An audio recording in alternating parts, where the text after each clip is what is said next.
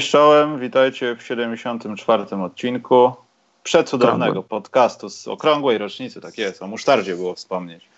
Yy, przecudownego podcastu o koszykówce, inaczej tego nie można nazwać. Dzisiaj będziemy mieli trochę newsików, trochę pogadamy o playoffach, yy, spełnimy życzenie naszych fanów i może też będzie coś o NCAA, ale nie dziś, znaczy dziś troszkę będzie, natomiast myślę, że jesteśmy bardzo blisko, żeby jutro coś nagrać na temat NCAA i tego, co się działo, co się, co, jak można podsumować te pierwsze rundy przed słodką szesnastką, jakkolwiek by to nie brzmiało. Cześć Karol. Dobry wieczór Michał. Oglądałeś to przecudowne spotkanie mojego zawodnika, którego śledzę od pięciu lat, czy... Pytasz, a wiesz. Czyli w dupie. Tak.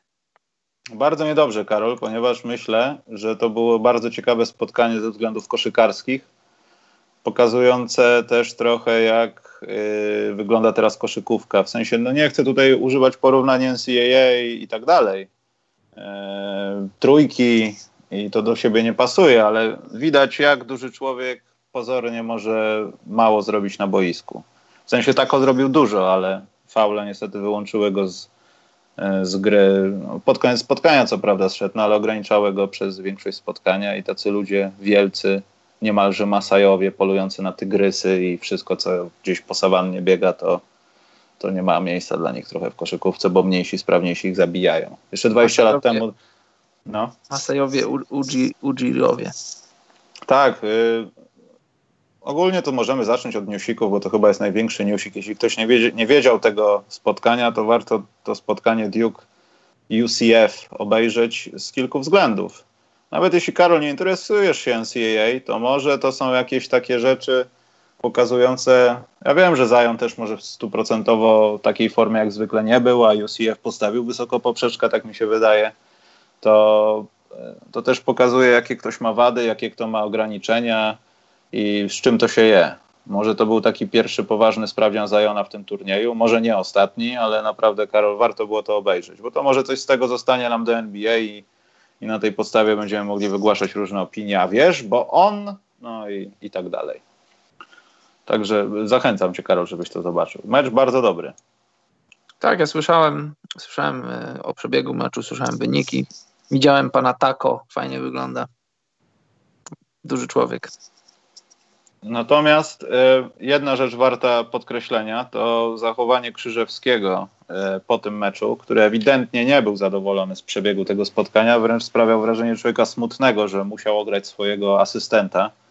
Jeszcze w tym spotkaniu Karol był taki smaczek, że e, zawodnicy UCF mieli szansę wygrać ten mecz, ale najpierw nie wszedł rzut z dystansu, a potem bodajże syn tego trenera, e, bo nie pamiętam, chyba to on był, no nie trafił po prostu do bitki. Piłka sama się wytoczyła i to też pokazało, wiesz, no turniej, ci przy, tam przychodzą rodziny, wiesz, NCAA, tak, ale ta jedna akcja, to też zastanawiam się, jak wpływa na takich chłopaków i gdybym był w warunkach amerykańskich, to bym czym prędzej pogonił, żeby nagrać podcast, jak to wygląda i i w jaki sposób, no nie wiem, można przejść do porządku dziennego, bo to ciężki cios, wiesz, nawet zawodowej koszykówce. No. Nie trafiasz tak ważnego rzutu, a tutaj nie ma playoffów do siedmiu spotkań, tylko trafiasz i cię nie ma. A UCF się napracował i jak najbardziej zasłużył na zwycięstwo, co właśnie mówił Krzyżewski, że oni zasłużyli na to zwycięstwo i jest mi trochę głupio, że wygraliśmy. Ja wiem, że to tak brzmi też głupio, że Krzyżewski mówi takie rzeczy, mniej więcej, bo to trochę uogólniłem, ale no ale to było bardzo ciekawe, no i Krzyżewski po raz kolejny klasa. No. To, jest, to jest najwyższa klasa po prostu. Już nie tylko trenerska, ale taka zachowawcza, że tak powiem. Chcesz, Karol, coś dodać? Nie wiem. Nie, nie chcę nic, niczego dodawać. Yy, tak, bardzo ciekawe, kto będzie Tiso, Bazer, Tiso Buzzerbeaterem w tym programie, ale są dwa. Yy, wydaje mi się, yy, wydaje mi się, że jeden to no-brainer, zaraz będziemy o nim rozmawiać. Natomiast przejdźmy, Karol, trochę do newsików, bo trochę ich jest. Ja bym zaczął od tego, e, może nie najnowszego, ale teraz to wyszło jakoś na światło dzienne, że e, terapeuta LeBrona Jamesa powiedział, że po tym, co się stało z jego pachwiną, on powinien opuścić do 6 miesięcy e, od gry po prostu. Nie, powinien wypoczywać, zdrowieć, a nie angażować się w takie walki. Myślisz, że Karol to pokazuje nam, że LeBron James jest chorym dalej psychicznie człowiekiem, który chce wygrywać i robi wszystko dla koszykówki, czy, czy to jest po prostu jakaś wypadkowa tego, co powiedział pan terapeuta i nie powinniśmy z tym wiązać jakiejś większej legendy? Przede wszystkim, Michał, to nie wiemy, czy to jest prawda. I no nie posądzajmy go, że on kłamie, Karol, no. No ale, a dlaczego nie? No wiesz, z czym się wiąże Pachwina. Ja wcale nie jestem zdziwiony tymi słowami. Byłem zdziwiony, że właśnie to tak szybko poszło. Wiek, Pachwina, wiesz. Tak, to nie idzie w parze ale część, często. Naciągnięcia, naderwania to jest indywidualna sprawa. Zależy od rozległości tej kontuzji, zależy od wytrenowania ciała. No wiesz, LeBron jest wytrenowanym człowiekiem, ale ja nie wiem, jak ta kontuzja wyglądała. Ja nie mam raczej nic do powiedzenia na temat tego, tych, tych słów. No, jeżeli to jest prawda, no to nie wiem, Michał. No, no Lebron wrócił i gra jak Lebron. Rozumiem oczywiście, rozumiem zamysł, tak, żeby trochę złagodzić skutki niewejścia do playoffu i powiedzieć, że tak, LeBron wrócił, ale on był kontuzjowany. Pamiętajcie, że grał z kontuzją, bo mógł z nią nie grać. Rozumiesz, o co chodzi? No wiesz, no nie mam nic więcej do dodania. Nie, ale bardziej pytałem o to, czy wiesz, czy nie pokazuje to, że yy, wiesz, no LeBron jak się by nie czuł, to mimo wszystko starał się coś wyciągnąć z tego sezonu. Był ten taki moment, no nie chcę mówić w tym miesiącu, bo to nieprawda, ale powiedzmy tak gdzieś jeszcze pod koniec zeszłego miesiąca, że widać było momentami, że LeBron na siłę chce wyciągać tą drużynę, ale jak, w jakiś sposób nie idzie. Już pomijamy te rzeczy z obroną i ten pamiętny mecz z Memphis. Ale to moim zdaniem po raz kolejny pokazuje, jak bardzo LeBron James chce po prostu walczyć a nie to, że wszyscy powiedzieli, a to czas tankować, teraz to wiesz, to jedna wielka dupa jest. To jest świetna sprawa, tylko tak jak powiedziałeś, no, czy to nie jest jakaś kolejna medialna rzecz, która gdzieś tam wyciekła, no właśnie, czy... Właśnie. Bo, bo jeśli by się tak okazało, że LeBron nie chciał za specjalnie o tym mówić, bo, bo by wyszło, że się usprawiedliwia i tak dalej, no to wiadomo, jakbyśmy to odebrali. Ale tak, jeśli to jest prawda, no to powiem ci, że po raz kolejny jestem pod wrażeniem. No, so, nie to, tyle co, co no. w ciała, że wytrzymuje ból, jaki by nie był, to no, tego podejścia Jamesa, no, że mimo wszystko nie jeden by na tym miejscu jego no, za specjalnie nie starał się. Tak, ale zobacz. tej kontuzji no, robić różne masz rzeczy. Y, człowiek, prywatny trener Lebrona, więc jestem przekonany, a nawet pewny, że wszystko, co wychodzi z jego, z jego ust, jest najpierw filtrowane przez samego Lebrona. To jest jedna sprawa. Druga sprawa, po zakończonych tamtych finałach LeBron pojawia się na konferencji prasowej z, z, no, nie z gipsem, z opatrunkiem, jakimś rodzajem opatrunku na rękę, żeby powiedzieć nam, że grał ze złamaną ręką. W meczu numer jeden do tego doszło. Skoro zagrał mecz drugi, trzeci i czwarty bez żadnej opaski, grał relatywnie dobrze, to równie dobrze mógł przyjść na konferencję bez niczego. LeBron chciał, żebyśmy wiedzieli o tym, że, że go boli, że przez trzy mecze grał z kontuzją. Wiesz o co chodzi. Chcesz, nas, chcesz powiedzieć, że nas kokietował? Mm, trochę na pewno.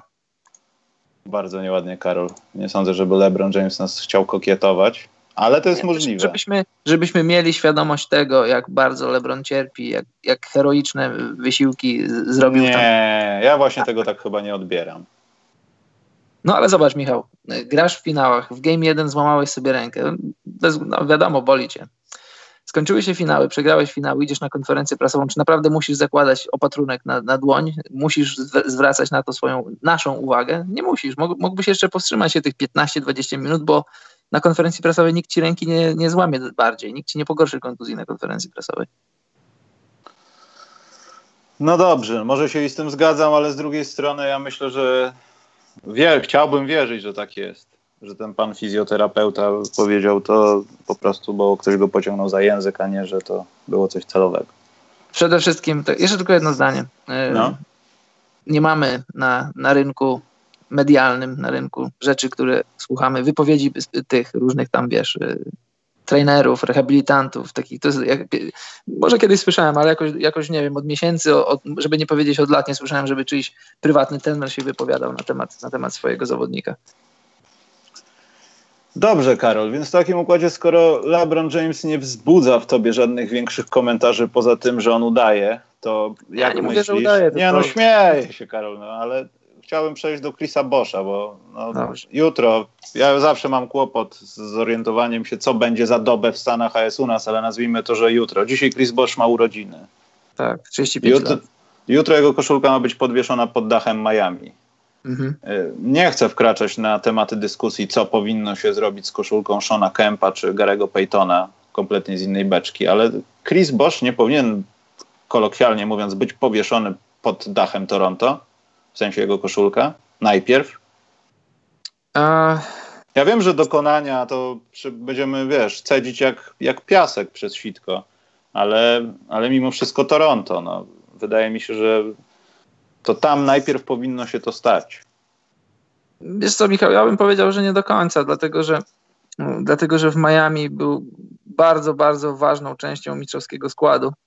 Mówi się LeBron, mówi się Wade, a moim zdaniem za mało mówi się, co robił i kim był, ile znaczył dla tej drużyny Bosch. W Toronto wprawdzie zagrał tych lat 6 e, czy 7, 7 sezonów zagrał w Toronto. Miał szczególnie dwa ostatnie lata, to były mocne lata. Double-double na, na koncie za cały sezon. Tylko, że Toronto wtedy było słabe, Toronto nie wygrywało. I wiesz, jak tak spojrzysz historycznie na zawodników, którzy byli All-Starami, którzy produkowali 20-10 dla swoich klubów, no gdybyś tak wszystkich koszulki miał wieszać pod kopułami, to, to miałbyś taką trochę świąteczną choinkę w wielu, wielu organizacjach. Moje zdanie jest takie na temat Toronto i na temat Chrisa Boscha, że, że trochę za mało zrobił dla klubu i trochę za krótko w nim grał, żeby zawieszać jego koszulkę. Załóżmy, że jego kariera trwałaby tyle, ile trwała i trwałaby tylko w Toronto, i gdyby ta drużyna była taka raz dobra, raz słaba, raz średnia, ale nigdy mistrzowska, to wtedy tak, za całą karierę, fajną karierę, za, za to kim był Chris Bosch, należałoby mu się, mimo że drużyna nie zdobyłaby tytułu, ale za 7 lat, z których praktycznie wszystkie były albo słabe, albo średnie, to, to myślę, że trochę za mało. Na powieszenie koszulki. Na uznanie i szacunek, owszem, ale na powieszenie koszulki to trochę za mało. No ale Karol właśnie, no ja nie chcę mówić zawsze, no za tym powieszeniem, to brzydko brzmi, no ale za tym uhonorowaniem przez powieszenie koszulki, no też czasami, ja nie twierdzę, że to się wybiera zawodników, którzy świetnie byli w szatni, ale guzik grali, ale Chris Bosch chyba właśnie to, co powiedziałeś, pasuje przynajmniej pod tym względem, że powinien być jakoś uhonorowany. Bo to pełna zgoda z tym, że Toronto było nigdzie, jak on był. Znaczy to też nie do końca prawda, że było nigdzie, no ale nie było takich sukcesów, sukcesów. Ja nie będę wracał, nie wiem, do lat, lat świetl, świetlności i powietrzności e, Vince'a Cartera, no ale porównując to faktycznie. Tylko z drugiej strony, czy to tak młoda stosunkowo organizacja nie powinna doceniać takich ludzi, zważywszy na to, że Chris Bosch e, no też jakoś nie uciekł za specjalnie z tego Toronto. To nie było tak, że zrobił im przykrość i nagle sobie stwierdził, że wszystko jest do dupy, to ja dziękuję bardzo. No takie rzeczy się zdarzają, wiesz, jak podpisanie w innej drużynie myślę, że sprawa nie jest jeszcze do końca przesądzona, a fakt, że, że Miami Heat zrobią to jako pierwsi, no to, to zrobią to jako pierwsi. To nie zamyka drogi do tego, żeby Raptors w jakiś sposób uhonorowali te lata, które Chris Paul z nimi spędził. Yy, Okej, okay, Karol. Yy, czyli nie jesteś za tym, czy jesteś za tym? Bo już, za czym? Nie, za tym, żeby go powiesili. Yy, w, jako, w żaden sposób mi to nie raziłoby mnie to, nie bolałoby mnie to, ale jeżeli tego nie zrobią, to ja to rozumiem i, i też raczej skłaniam się ku temu. Jeżeli to zrobią, to fajnie, jeżeli tego nie zrobią, to to rozumiem. Gdybym ja decydował, to w jakiś inny sposób bym uhonorował Chrisa Boscha. W jaki? A to jest, to jest do przedyskutowania. Bo na przykład w hali, w hali Raptors jest, jest dużo zdjęć, dużo, no jest kilka zdjęć takich, takich dużych, takich oprawionych plakatów Chrisa Boscha, między innymi, bo też innych w historii zawodników, którzy przewinęli się przez organizację. W ten sposób jest uhonorowany, a czy koszulka pod kopułą, no, no minimalnie trochę za dużo to by było, jak dla mnie. Okej, okay. E, a tak teraz z ciekawości, bo przyszło mi do głowy, koszulka DeRozana trafi tam kiedyś, czy to za mało? A, widzisz, no tu bym, bym, bym się skłaniał ku temu, że tak. Myślę, że tak mam trochę problem, bo w tym samym momencie w takim układzie Chris Bosch na nią zasługuje jako no-brainer. No ale zobacz, Chris Bosch zagrał 7 lat w Toronto. tylko dwa razy drużyna grała w playoffach. Mieli też mieli sezony, w których wygrywali 24 mecze, 27 meczów, parę razy po 33. E, w sezonie, w którym odchodził, wygrali 40 meczów, nie weszli do playoffów, rok wcześniej 33. Na 7 sezonów, w których Chris Bosch grał, drużyna dwa razy była w playoffach. Może trochę za mało. No ale w wszelkim bądź razie to jest straszne, e, że tak szybko skończył karierę. Znaczy tak szybko, to się tak tylko no, mówi, to jest, ale... To jest największy ból. Ale myślę, że już pomijając to, gdzie i jak, to ludzie powinni się pochylić nad tym, że no Chris Bosch też nie wykorzystał mocno swojego tego końcowego czasu no, z, z powodów zdrowotnych, ale to jeszcze mógł być naprawdę ciekawy okres w jego koszykówce. E, no patrząc na to, co się dzieje, jak zawodnicy podpisują te roczne umowy, gdzieś idą, walczą o coś, wiesz, to to na pewno nie powinno się tak skończyć. E, Karol, jest przed e, Tiso Buzzer Jeszcze mam jeden temat, Karol. Na temat Grega Monroe i jego pojawieniu się w Celtics. Plus to też będziemy mówili w Playoff Watch, ale też te sytuacje pokazujące, jak Boston gra słabo i Kyrie Irving potrafi wyjść w ciągu ostatniej akcji w obronie w meczu, który już jest nieważny, ale idzie do szatni zamiast tam jeszcze udawać, że stoi. Czy Greg Monroe coś Karol zmieni w Celtics? Patrząc na to też, jak, jak wygląda ich ławka, sala chorych w zasadzie centrów. To coś to w ogóle zmieni? Bo to na razie chyba jest y, deal dziesięciodniowy, ale tak. tam chyba może dojść do jakiegoś podpisu. Tak może wydaje. dojść. To jest, to jest jeden z takich podpisów typu zawodnik ci nie zaszkodzi, a jeśli pomoże, to fajnie i może pomóc, jasne, dlaczego nie. Greg Monroe grał już w Celtics w zeszłym sezonie, więc zna system, zna szatnie, zna ludzi. Nie wiem, co robił od czasu, kiedy, kiedy zwolnili go Raptors, no ale zakładam, że w jakiejś tam formie jest, jakiś, jakąś tam styczność z piłką miał. Może się przydać. To nie jest jakiś game changer, który ci wygra, wygra serię, ale chociażby wejść na, na, ty, na, tych kilka posiadań i sfaulować wysokiego drużyny przeciwnej, to, to, to jest coś. A, a przecież Greg Monroe jest trochę więcej niż mięsem armatnim, więc no, to, to, to jest jakiś, to jest podpis, który raczej przechodzi bez echa, no ale może się przydać w szatni. Właśnie tak się zastanawiam, czy, czy w ogóle jakikolwiek, jakakolwiek zmiana teraz, nie wiem, potrafi wpłynąć na Boston dobrze, bo problem leży w nich, w nikim innym, po tak, prostu w nich. Jeśli oni go nie rozwiążą teraz, no to, to, to muszą czekać do wakacji, aż ten problem będzie można rozwiązać w inny sposób. I to jest całkiem logiczne, no, że kiedy już mamy Baines i chyba Horford też, czy, czy jeszcze nie, E, są w gorszej formie fizycznej, w sensie nie są zdrowi, bo mają jakieś urazy, no tak. to na jakiś czas to może tylko może nie zakopać e, pozycji Bostonu, ale czy to przyniesie jakąś konkretną korzyść, że nagle się odpalą w playoffach, no to też przesadnie tego nie widzę. Myślę, myślę, że to też jest taki ruch, jeśli będzie mowa o ewentualnym podpisie, żeby wyjść z twarzą. Bo dany Ainge chyba się trochę gotuje tam w środku. To prawda i to też mówiliśmy wiele razy, to, to, co przed chwilą powiedziałeś. Wszystko, co jest złe w Bostonie, to jest w Bostonie, właśnie w nich samych. Tam jest cały czas potencjał, bez względu na to, czy kogoś podpiszą jeszcze, czy już nie podpiszą. Sam ten skład, który teraz jest, to jest, to jest skład, który ma potencjał, żeby wygrać wschód. Na ten moment nie wygląda to rewelacyjnie, na ten moment nie są moim pierwszym ani drugim faworytem do wygrania wschodu, ale mogą to zrobić. Jest potencjał, jest coaching, są ludzie, są doświadczeni ludzie, jest Kyrie Irving, który rzucał wielkie rzuty w Game 7 finału, więc y, jest to know-how w szatni. A czy przekręcą ten psztyczek w swoich głowach, to, to, to ja tego nie wiem. Pewnie Brad Stevens nad tym się głowi i dane jęcie jeszcze bardziej niż my. No, myślę, że tam już dochodzi do jakichś wyrywania włosów, resztek włosów z głowy, bo nie pamiętam gdzie, ale ktoś, to zwykle modne jest, jak się podsumowuje sezon który jest bardzo skomplikowany z, pod wieloma aspektami z wielu powodów. Sorry. E, ale nie wiem, Karol, czy widziałeś Terry Rozier, który tak biegnie, że Gordon Hayward wpada w, niego nogi, w jego nogi albo na odwrót jest. I ktoś to gdzieś chyba na Twitterze opisał, że to jest e, opis całego sezonu Boston Celtics. No właśnie chciałem to sam powiedzieć. Celtics na jednym obrazku.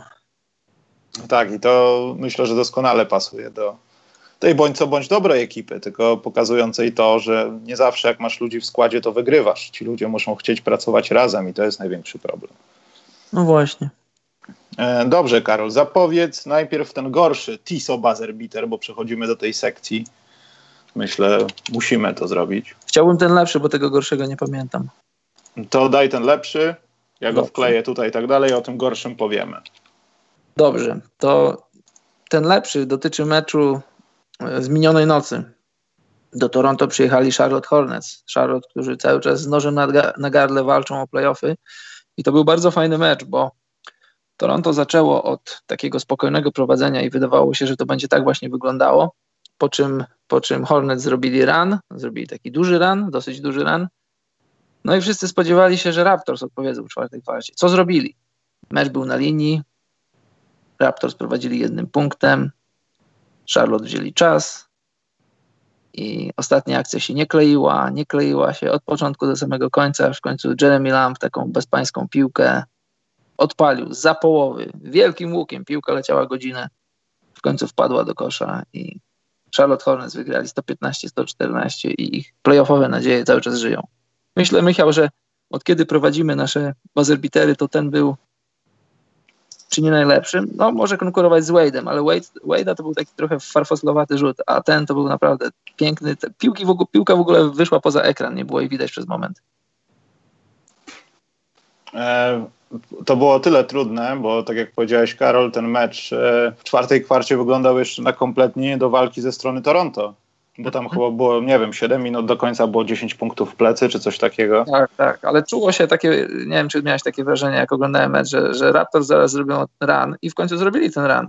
Już wydawało się, że to oni są na, na, na fotelu kierowcy, a to jednak nie. Poza tym, wiesz, to był taki dosyć niewygodny rzut, no bo, znaczy niewygodny, no z połowy boiska, ale on nie miał kontroli nad piłką. Tak naprawdę ona mu uciekła i ta ucieczka spowodowała, że no, odszedł od kosza, był w lepszej pozycji, żeby no, przynajmniej rzucić przez ręce.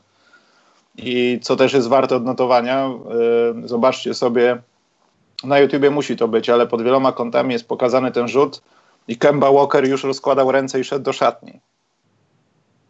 Zrobił to samo co Kyrie, tylko trochę w drugą stronę, ale no, trudno się spodziewać. No, ten rzut nie miał prawa wpaść, tak statystycznie rzecz ujmując. Właśnie, o, tutaj Purple Rain film właśnie o tym powiedział. E, natomiast nas, nasz drugi e, Tiso Bazerbiter, który był, nie chcę skłamać, ale chyba zaraz po poprzednim odcinku, to był Trey Young, który, ja nie wiem, kto tak naprawdę zawinił, w sensie, kto jest czarodziejem tej akcji i sprawcą, ale wydaje mi się, że to trochę też była wina słabego czasu reakcji Embida, który jak przyszedł już na przekazanie, jak gdyby podszedł do Younga, to już wiedział o tym, że jest za późno, żeby wyskoczyć. I no, Young trafił, ale nie wiem, czy tutaj nie postrzegać tego, tego rzutu, że wpadł jako bardziej winy Embida niż zasługi Younga. Tak mi się wydaje. Nie wiem, czy Karol to widziałeś, ale wkleiłem to na czacie. No ja bym powiedział tak 50 na 50, trochę winny, Nie, no bo trochę... wiesz, w momencie, kiedy on wypuścił tą piłkę, Embiid już chciał naskakiwać, jak gdyby, ale widział, że to już nie ma sensu. ten, ten ułamek sekundy, kiedy mogłem zareagować, e, minął i to dawno temu i muszę patrzeć, jak ta piłka leci do góry. Mhm. No, tutaj też się pojawia dyskusja, Karol, bo y, chyba przy Playoff Watch nie będziemy o tym rozmawiać, ale zbliża się ten czas, kiedy będziemy przyznawać nagrody. Myślę, że to będzie jakoś w przyszłym tygodniu. Mhm. E zaczynałem się zastanawiać, ja wiem, ja od początku sezonu, y, zwłaszcza od Summer League, widziałem Trey Younga, który po prostu nie nadawał się do NBA.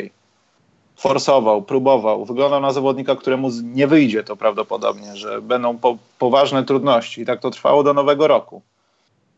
Aż po przerwie na mecz gwiazd jest kompletna erupcja Younga i tak widziałem już porównania na Reddicie, y, gdzieś zapisałem sobie tą linijkę statystyczną I to jest też dobry taki punkt, czy faktycznie możemy tak na to patrzeć, ale statystyki Trey Young na dzień dzisiejszy ma średnio 18,48 przy 54% true shooting, czyli połączone osobiste, dwójki, trójki i tak dalej.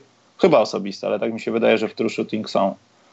E, a Luka Doncic ma 21,86 przy 54.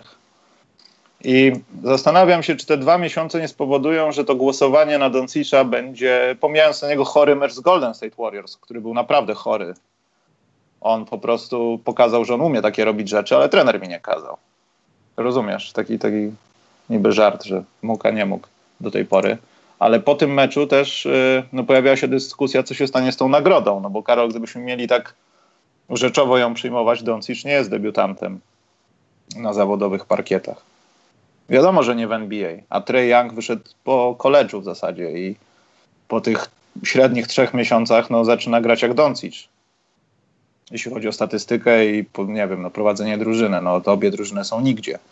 I tak się zastanawiam, będzie ta dyskusja, Karol, że może Trey, Trey Young, jak to mówią niektórzy koszykarze NBA, zasługuje na tą nagrodę bardziej niż chłopak z Europy od nas? Nie, jak dla mnie nadal nie. Jasne, Trey Younga trzeba docenić za to, tak jak mówisz, bo jest, jest, jest niebo a ziemia między tym, jak wygląda, jak się porusza, jak gra w porównaniu z Summer League do teraz. No ale jak dla mnie to ta różnica jest, jest cały czas duża. I, i jasne, że Luka Doncic wygrywał w Europie, wygrywał przeciwko dorosłym ludziom, wygrywał na wielkiej scenie, dużo większej niż uczelniana koszykówka, tylko że Luka też ma 20 lat. I gdyby przy, przychodził jako 25-27 latek, który już jest spełniony w Europie, tak jak na przykład y, Bogdan Bogdanowicz przyszedł jako, jako człowiek, który w Europie już zrobił dużo, żeby nie powiedzieć wszystko, i wtedy można by było taką gwiazdkę przy jego nazwisku przyłożyć, że to jest debiutant, ale na skalę NBA. Ja, ja nie mam takiej gwiazdki przy, przy Luce. Wprawdzie Luka, tak jak powiedziałem, wygrywał dużo w Europie, wygrywał dużo na arenie międzynarodowej, międzypaństwowej, no ale na końcu dnia jest, jest dwudziestolatkiem, tak samo jak Trey Young. A to, że miał większe doświadczenie, no to miały. Dla mnie wcześniej była przepaść, duża przepaść między pierwszym a drugim debiutantem tego roku. Teraz bym powiedział, że jest taki trochę taka, może przepaści już nie ma, ale dalej, dalej jest. Ja mam, ja mam w jednoosobowym rankingu Lukę, a dalej mam Treya Younga, powiedzmy z jednym czy dwoma dodatkowymi nazwiskami. Jak dla mnie nie ma dyskusji. Spodziewam się, że Trey Young zbierze kilka głosów, ale gdyby to wygrał, to bym się bardzo, bardzo zdziwił i moim zdaniem byłoby to yy, nie, nieuczciwe, nie do końca uczciwe i niesprawiedliwe. Luka Doncic jest lepszy niż, niż Trey Young, zalicza lepszy sezon niż Trey Young. Fakt, że marzec miał dobry, że luty miał dobry Trey, to, to jest prawda, oczywiście to jest prawda. I to jest takie trochę odświeżające mówić o Trey Youngu, nie tylko cały czas o Luce, no ale jak dla mnie to cały czas jest Luka i, i tyle. Znaczy, ja też nie mam jakichś tam specjalnych obiekcji, że zaraz bym wyrównał te poziomy, bo wiem, że to się można dać oczarować tymi rzeczami, które dzieją się tu i teraz, ale zapomina się o całokształcie, a to w takim ujęciu tej nagrody za regularny sezon jest no, najważniejsze chyba. Poza tym, Michał, mam, post mam, mam postawiony pieniądz w zakładzie długoterminowym, że to będzie debiutantem roku, więc... Y, po ile? Pan pytasz po ile, ja mówię za ile, jak wygram to może powiem. Mm. Jaki przelicznik był? W sensie, żeby, że on wygra, A, to. Aha, dobrze. Y, y, y, poczekaj. Jak się zaczął sezon, to był większy, ale ja, ja, ja jeszcze wszedłem na ten wagon Luki Doncicza, jak jeszcze, jak jeszcze było warto i przelicznik był chyba 3,50. O, to już wiemy, kto funduje nagrody w setnym odcinku chyba. Mam nadzieję, że postawiłeś dużo gotówki, Karol. O, Bardzo dużo. Mam nadzieję. Zależy, co dla kogo znaczy dużo, wiesz. Ważne, że będzie pomnożone. Właśnie. E, to, co postawiłem Dobrze. razy 3,50. Aha, no to, no to bardzo mnie to cieszy, że wygrasz to, co postawiłeś razy 3,50 minus podatek. E, więc to były nasze dwa TISO buzzer bitery. Ja, e, ja patrzę na czat, ja odpowiem na część tych pytań na, na temat Lebrona pod, pod sufitem e, w pytankach do nas, natomiast tutaj Jarosław Adamczyk mm, będzie podobna sytuacja z Michelem i Simonsem rok temu. Hype za duży na Doncica, żeby nie wygrał. I tutaj ja jest taki. Po... Ale wiesz, co jest taki poboczny przykład? E, Zach Lawin, który teraz no, statystycznie oborze, i Donovan Mitchell statystycznie też trochę oborze. I na koniec dnia Lawin jest lepszy od Mitchella, jeśli chodzi o true shootingi, efficiency i tak dalej, i tak dalej, ale, ale wiemy, że tak nie jest.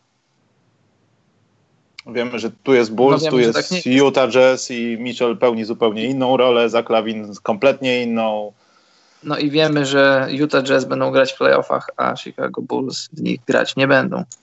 Dokładnie, dlatego też myślę, że patrzenie na to, nawet jeśli w tym miesiącu oni się do siebie zbliżają, jest, jest bezcelowe, bo też mi się wydaje, że po prostu Doncic jest e, bardziej kompletnym zawodnikiem. A Young będzie nas owszem zaskakiwał, ale to też będą takie płaszczyzny zaskoczenia, a on tego nie robił wcześniej i nagle to robi. I to jest też zupełnie trochę no, inna płaszczyzna oceniania, tak mi się przynajmniej jak na razie wydaje. Natomiast ja się cały czas posypuję popiołem, no bo ja, ja w to nie wierzyłem. To Liga Letnia i dwa pierwsze miesiące w NBA, może ten pierwszy miesiąc nawet, no, no nie, no.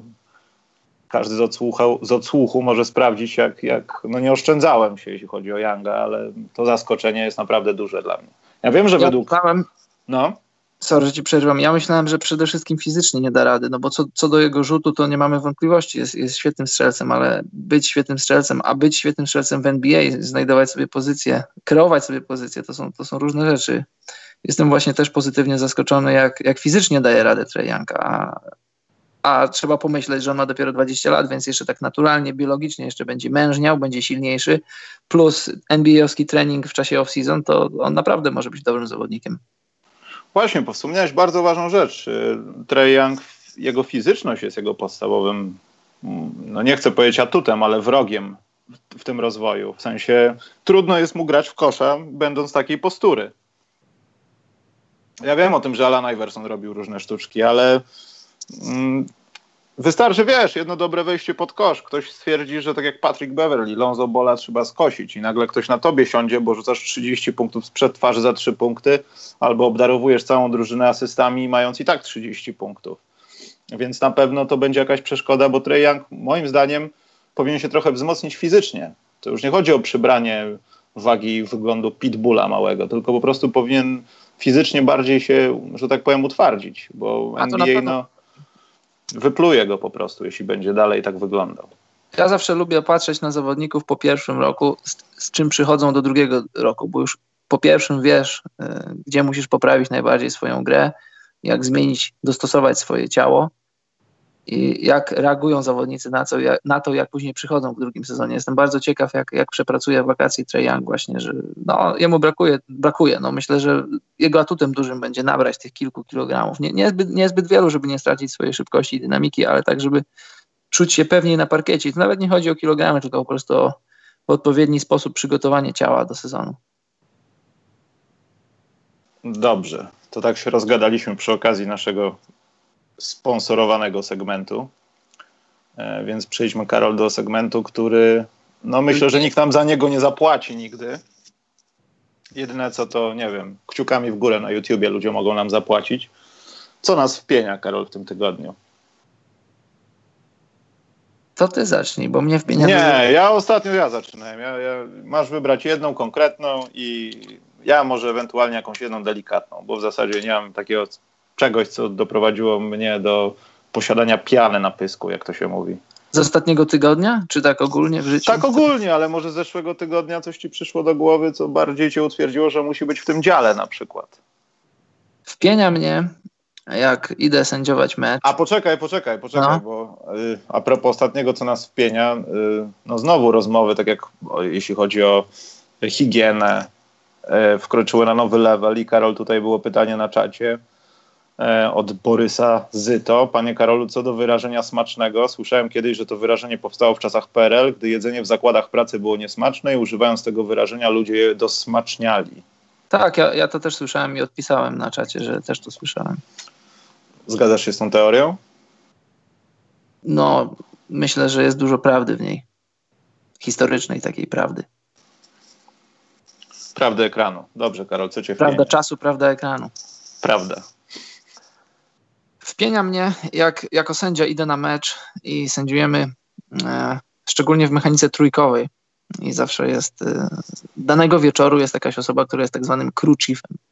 Jest rozmowa przedmeczowa i tam sobie rozmawiamy o różnych rzeczach. Generalnie chodzi o to, żeby być mniej więcej na tej samej linii w meczu, żeby zwracać uwagę na te same rzeczy. Takie, takie przy, przypominacze, bo każdy wie o co chodzi, każdy zna przepisy i nikt tam nie jest osobą osobą przypadkową, wiesz, w danym meczu, szczególnie jeśli teraz mówimy o playoffach czy tego typu rzeczach. Takie, takie wiesz, no, rozmowa przedmeczowa, takie rzeczy, o co się może wydarzyć, na co musimy być przygotowani.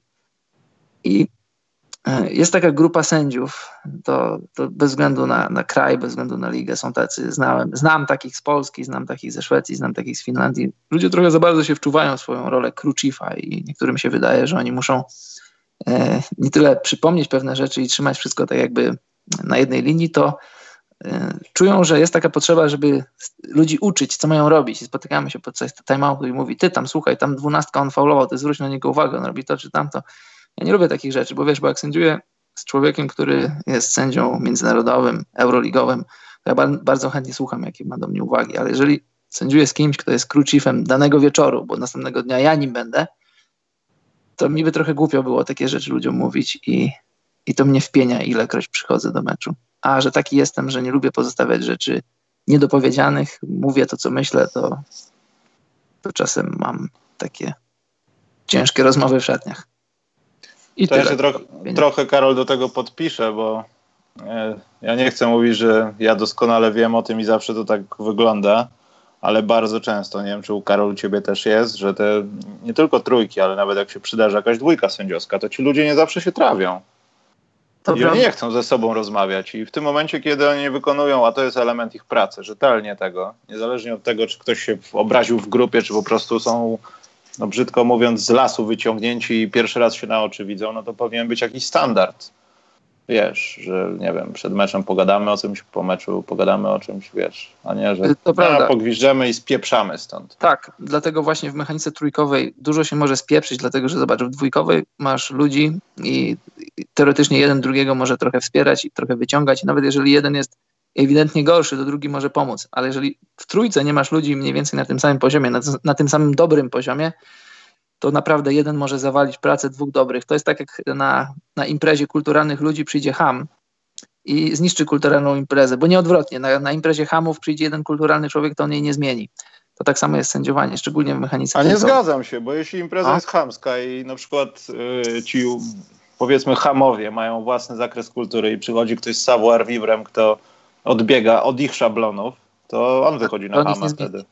Myślisz? To, no bo się tak. po chamsku wbija i zmienia. To już zależy od punktu siedzenia, Karol.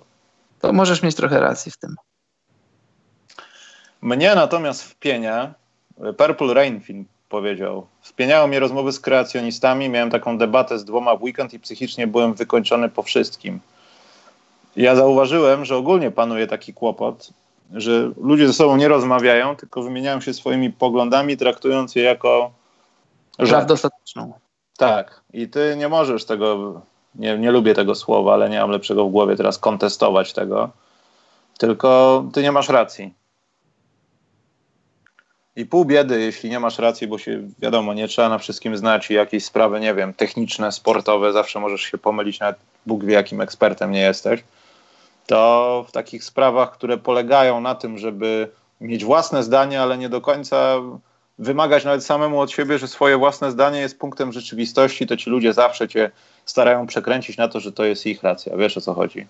Tak, a, a jedno zdanie, zanim powiesz, co cię wpienia, to jedno zdanie do kreacjonizmu. Ale to mnie wpienia właśnie, właśnie wpienia tak. mnie takie zachowanie ludzi, Karol. Jasne, to jedno zdanie do kreacjonizmu, to ci ludzie byli nie do końca wyedukowani, dlatego że Kościół nie, nie żyje y, w niezgodzie y, z nauką, a nauka nie żyje w niezgodzie z kreacjonizmem. Kreacjonizm jest, jest teraz jest teraz nie jest linią nauki, tylko linią filozoficzną i trochę linią taką no, podpiętą też pod religię, bo chyba to znaczy, no, kreacjoniści wierzą w co wierzą, ale chyba no, nikt, nawet Pismo Święte, nawet Kościół nie kwestionuje tego, że świat był, nie był stworzony w 7 dni, że to jest, to jest opowieść, która no, no po prostu jest opowieścią i że to, to nie jest tak literalnie, że tak było.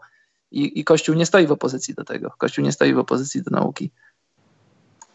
Tak, a jednocześnie z drugiej strony patrząc, kontestując te rzeczy, rzeczy, w które możesz po prostu no, nie dawać wiary, ale nie religijnie, tylko po prostu fizycznie coś ci się nie skleja. No. Wiesz, że nie, nie będę używał przykładów, ale każdy może sobie wybrać jeden. Ja taki, o jakim, jaki mam w głowie, bo pewnie wiecie o czym mówię, to e, tym bardziej nie powinno się kłócić na takie tematy, no bo to jest właśnie kwestia tego, że rzecz, która nie, nie, nie potrafisz udowodnić z żadnej strony, czy tak było, czy tak nie było wiesz, to powinno polegać na dyskusji, a nie na stawianiu, wiesz co, bo, ty, bo, bo tak i jak nie, no to ty jesteś taki. I w ogóle nie rozmawiajmy. No. Trochę w dzisiejszych czasach brakuje, też to zauważyłem, to co mówisz, że ludzie strzelają takimi statementami, że to jest to, to jest to, Zapina, zapominają o tym, a myślę, że uważam, że moim zdaniem, a to trochę zmienia, zmienia e, wybrzmienie tego, co mówią. Nie jesteśmy wyjątkowo wpienieni na to, Karol. Uff, myśl, nie musi. Myśl, Nie, myślę, że musimy ten dział zawiesić, żeby coś nas tak wpieniło, żeby to była pierwsza rzecz, jaka jest w tym podcaście, bo robimy się za delikatnie, Karol. Starzejemy się. Jedna rzecz mi wpienia, że ludzie ostatnio, nie, znaczy ostatnio, to trwa już dłuższy czas, zauważyłem to, nie potrafią, hmm, nie chcę powiedzieć czytać, ale zauważyłem, że w wielu sferach życia trzeba się zapytać, a nie po prostu przeczytać jedno zdanie, żeby pozbyć się głupiego pytania. I to też mnie trochę wpienia. To trochę związane jest z moją pracą, że zamiast tam przeczytać gdzieś jedno zdanie, to ty będziesz się mnie pytał o to, żebym ci to wytłumaczył, jak to w, jedno, w jednym zdaniu jest. Rozumiesz? Rozumiem. I to jest takie małe wpieniające. To się trochę zbulwersowałem, to prawda. Ostatnio miałem taki przypadek, że dosyć mocno się zbulwersowałem na tej podstawie. To teraz, Karol, pobulwersujemy się o rzeczach naprawdę, na temat rzeczy naprawdę ważnych, czyli na temat wyścigu playoffowego, bo tu już, już będą działy się, Karol, rzeczy niedługo. O ile się już nie dzieją. E, I bym zaczął może od tego, od czego zaczęliśmy przy ostatnim razie, jeśli mówiliśmy o playoffach, czyli od tego, jak bardzo Orlando już nie ma szans, bo Miami będą grali z Orlando. Mhm. I to będzie ten mecz, kiedy tam Boż będzie zastrzeżony, tak? Tak, a Orlando e... wygrało cztery mecze z rzędu. Dokładnie, no już to jest szanse, ale wiesz, cztery mecze z rzędu, ale Miami też tam y, nie próżnowało. No ja bym na razie nie, no, znaczy, ja przewiduję, znaczy przewiduję, wydaje mi się, że Miami wejdą do playoffów z racji doświadczonego składu. Chciałem powiedzieć o coachingu, ale, ale no, coaching w Orlando też, też jest dobry. No wiesz, to jest tylko jeden, jeden, jeden mecz straty Orlando do Miami. Kluczowym może się okazać ten jutrzejszy mecz, jutrzejszej nocy. Jeżeli, gdyby Orlando to wygrało, to, to wyścig jest na nowo otwarty, znaczy ten wyścig cały czas trwa. Gdyby Miami wygrało, to zrobiłoby sobie dwa, dwa mecze przewagi. I to już po drodze ciężko by było Orlando odrobić. Wiesz co, ja nie wiem. No ja mówię, ja daję Miami, ale nie zdziwiłbym się, gdyby, gdyby Orlando weszło do playoff.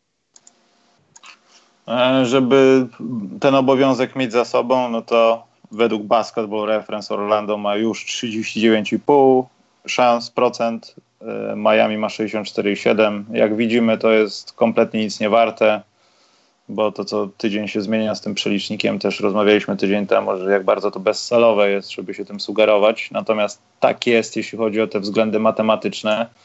E, według Bask, tutaj jest Karol Ciekawostka, według Basketball Reference Miami w najgorszym razie może zakończyć sezon z wynikiem 45-37, w najlepszym razie, a w najgorszym 36-46. E, w przypadku Orlando, no to najlepszy raz to jest 44-38, a najgorszy 35-47.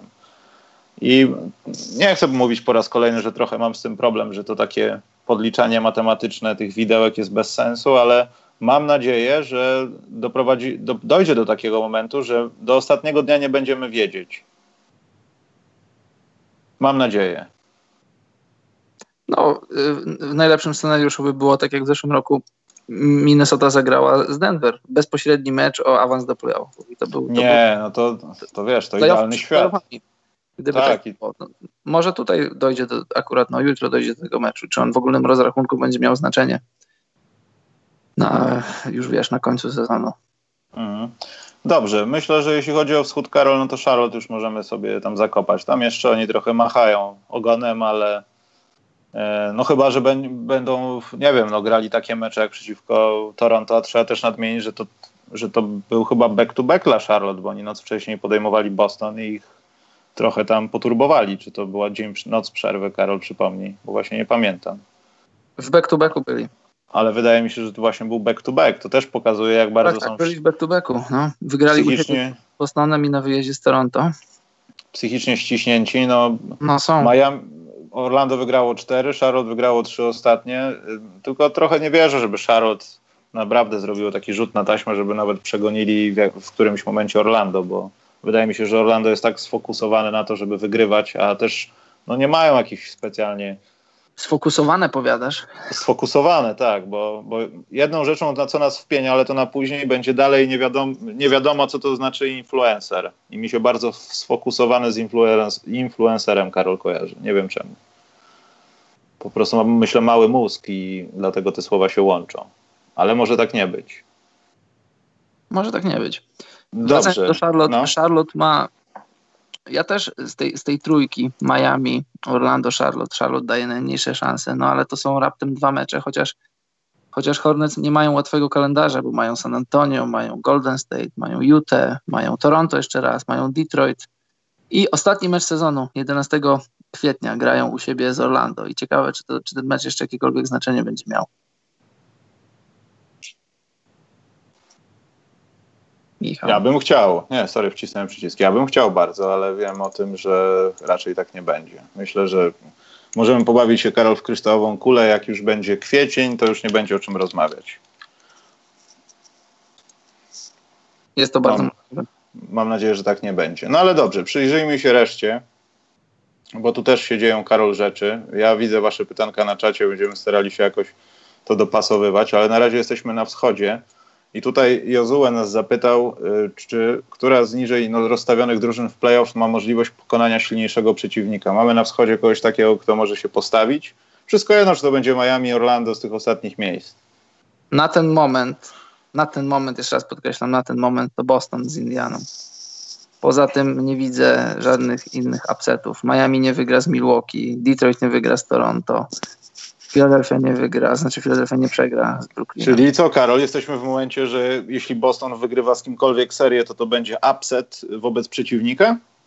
No, taki teoretyczny tak, no bo jeżeli będziesz miał Boston na piątce, a Indiana na czwórce, no to teoretycznie niż, niżej byli Celtics, no mimo, że wiadomo, wiemy, no właśnie. To jest, jeśli chodzi o skład. No, no, ale wiesz, no tak czysto matematycznie musisz tak do tego podejść. Mhm. Mi wydaje się, że też patrząc na to, co się dzieje na Brooklynie, oni też mają taki trochę cięższy okres i dzięki temu zrównują się do tej stawki 6-8. E, natomiast no to oni mogą być takim kandydatem, który może coś zrobić, w sensie brzydkie kuku komuś. Bo wydaje mi się, że Filadelfia Filadelfią. Oni wiadomo, że mają cel. Ja już pominę te wszystkie dyskusje, co się stanie z tym składem po sezonie, dlatego oni tym bardziej te wszystkie moce przerobowe. Harris będzie robił wszystko w ofensywie nie wiem, będzie dzwonił do Michaela Jordana co wieczór, żeby coś poprawić, ale tylko, żeby Filadelfia jak najbardziej, no i wiadomo, cel jeden, no awans do finału NBA, a myślę, że finał konferencji, no to dla nich y, wszystko inne to jest porażka, jeśli nic a się ze zdrowiem nie stanie. Myślisz, że Tobias Harris ma numer do Jordana? Ja wątpię. Myślę, że jeśli nie, to jest tak ściśnięty już psychicznie, że on zaczyna go szukać na gadu-gadu. No, na gadu-gadu to Jordan I w ogóle wszyscy w Filadelfii są tak ściśnięci, że wszyscy założyli gadu-gadu. Bo wyobraź sobie sytuację, kiedy Brooklyn Nets jako ta, ten kopciuszek robi im przykrość. Ja wiem, że to hipotetycznie jest niemożliwe, ale dajmy na to, że wszyscy w Brooklynie, y, na Brooklynie są e, no, bardzo podnieceni tą pierwszą rundą, no i dochodzi do upsetu. A już pominę to, co się dzieje z Filadelfią i to tam, że tam ludzie się podpalają po tym sezonie. Ale no to jest, Wydaje mi się, że to jest najbardziej chyba prawdopodobna rzecz tych drużyn. Bo ja bym Bostonu mimo wszystko nie traktował jako drużynę, która może komuś zrobić upset. Ja wiem o tym, że tabela tego nie pokazuje, ale mimo wszystko Boston i Indiana trudno szukać tutaj upsetu. No tak, ale gdyby byli piątką, no tak musielibyśmy ich traktować. To jest jedyna para, w której widzę, że wyższy numer przegrywa z niższym. Skoro jesteśmy przy Indianie, to Karol, oni grają coraz bardziej fenomenalnie i jak to potrwa do końca sezonu, fenomenalnie. No, grają świetnie, e, no może nie fenomenalnie, ale jeśli to potrwa do końca sezonu, no to ja się pod tym podpiszę. No bo to faktycznie to, co czasami robi Bogdanowicz, to o Boże. Wiktor Oladipo nie musi zdrowieć. Znaczy wie, powinien wyzdrowieć. No ja bym chciał bardzo, żeby wrócił, ale nie widać po tym, żeby ta drużyna specjalnie to odczuwała w tych ważnych spotkaniach, no bo bądź co bądź ta walka o tą czwórkę, nawet trójkę jest bardzo ważna, jeśli chodzi o no, przewagę parkietu. Szkoda Indiany, bo Bogdanowicz z formą idealnie trafił w swój kontraktowy rok, przypadek, a gdyby Oladipo grał, no to ta no, mistrzostwa by nie zdobyła, ale tej wielkiej czwórce na wschodzie mogłaby napsuć dużo krwi. I kto wie, jak to w playoffach by się ostatecznie ułożyło. No bo zobacz, teraz Indiana jest drużyną lepszą niż średnia. Jest bardzo dobrą drużyną, a Zoladipo to byłaby no, jednym z kandydatów do wygrania wschodu. Znaczy, nie mówię, żeby to zrobili, nie miałbym ich wyżej niż na przykład Toronto czy Milwaukee, no ale w każdej potencjalnej serii z takimi drużynami nie, ich przejście nie byłoby jakąś wielką niespodzianką, super niespodzianką.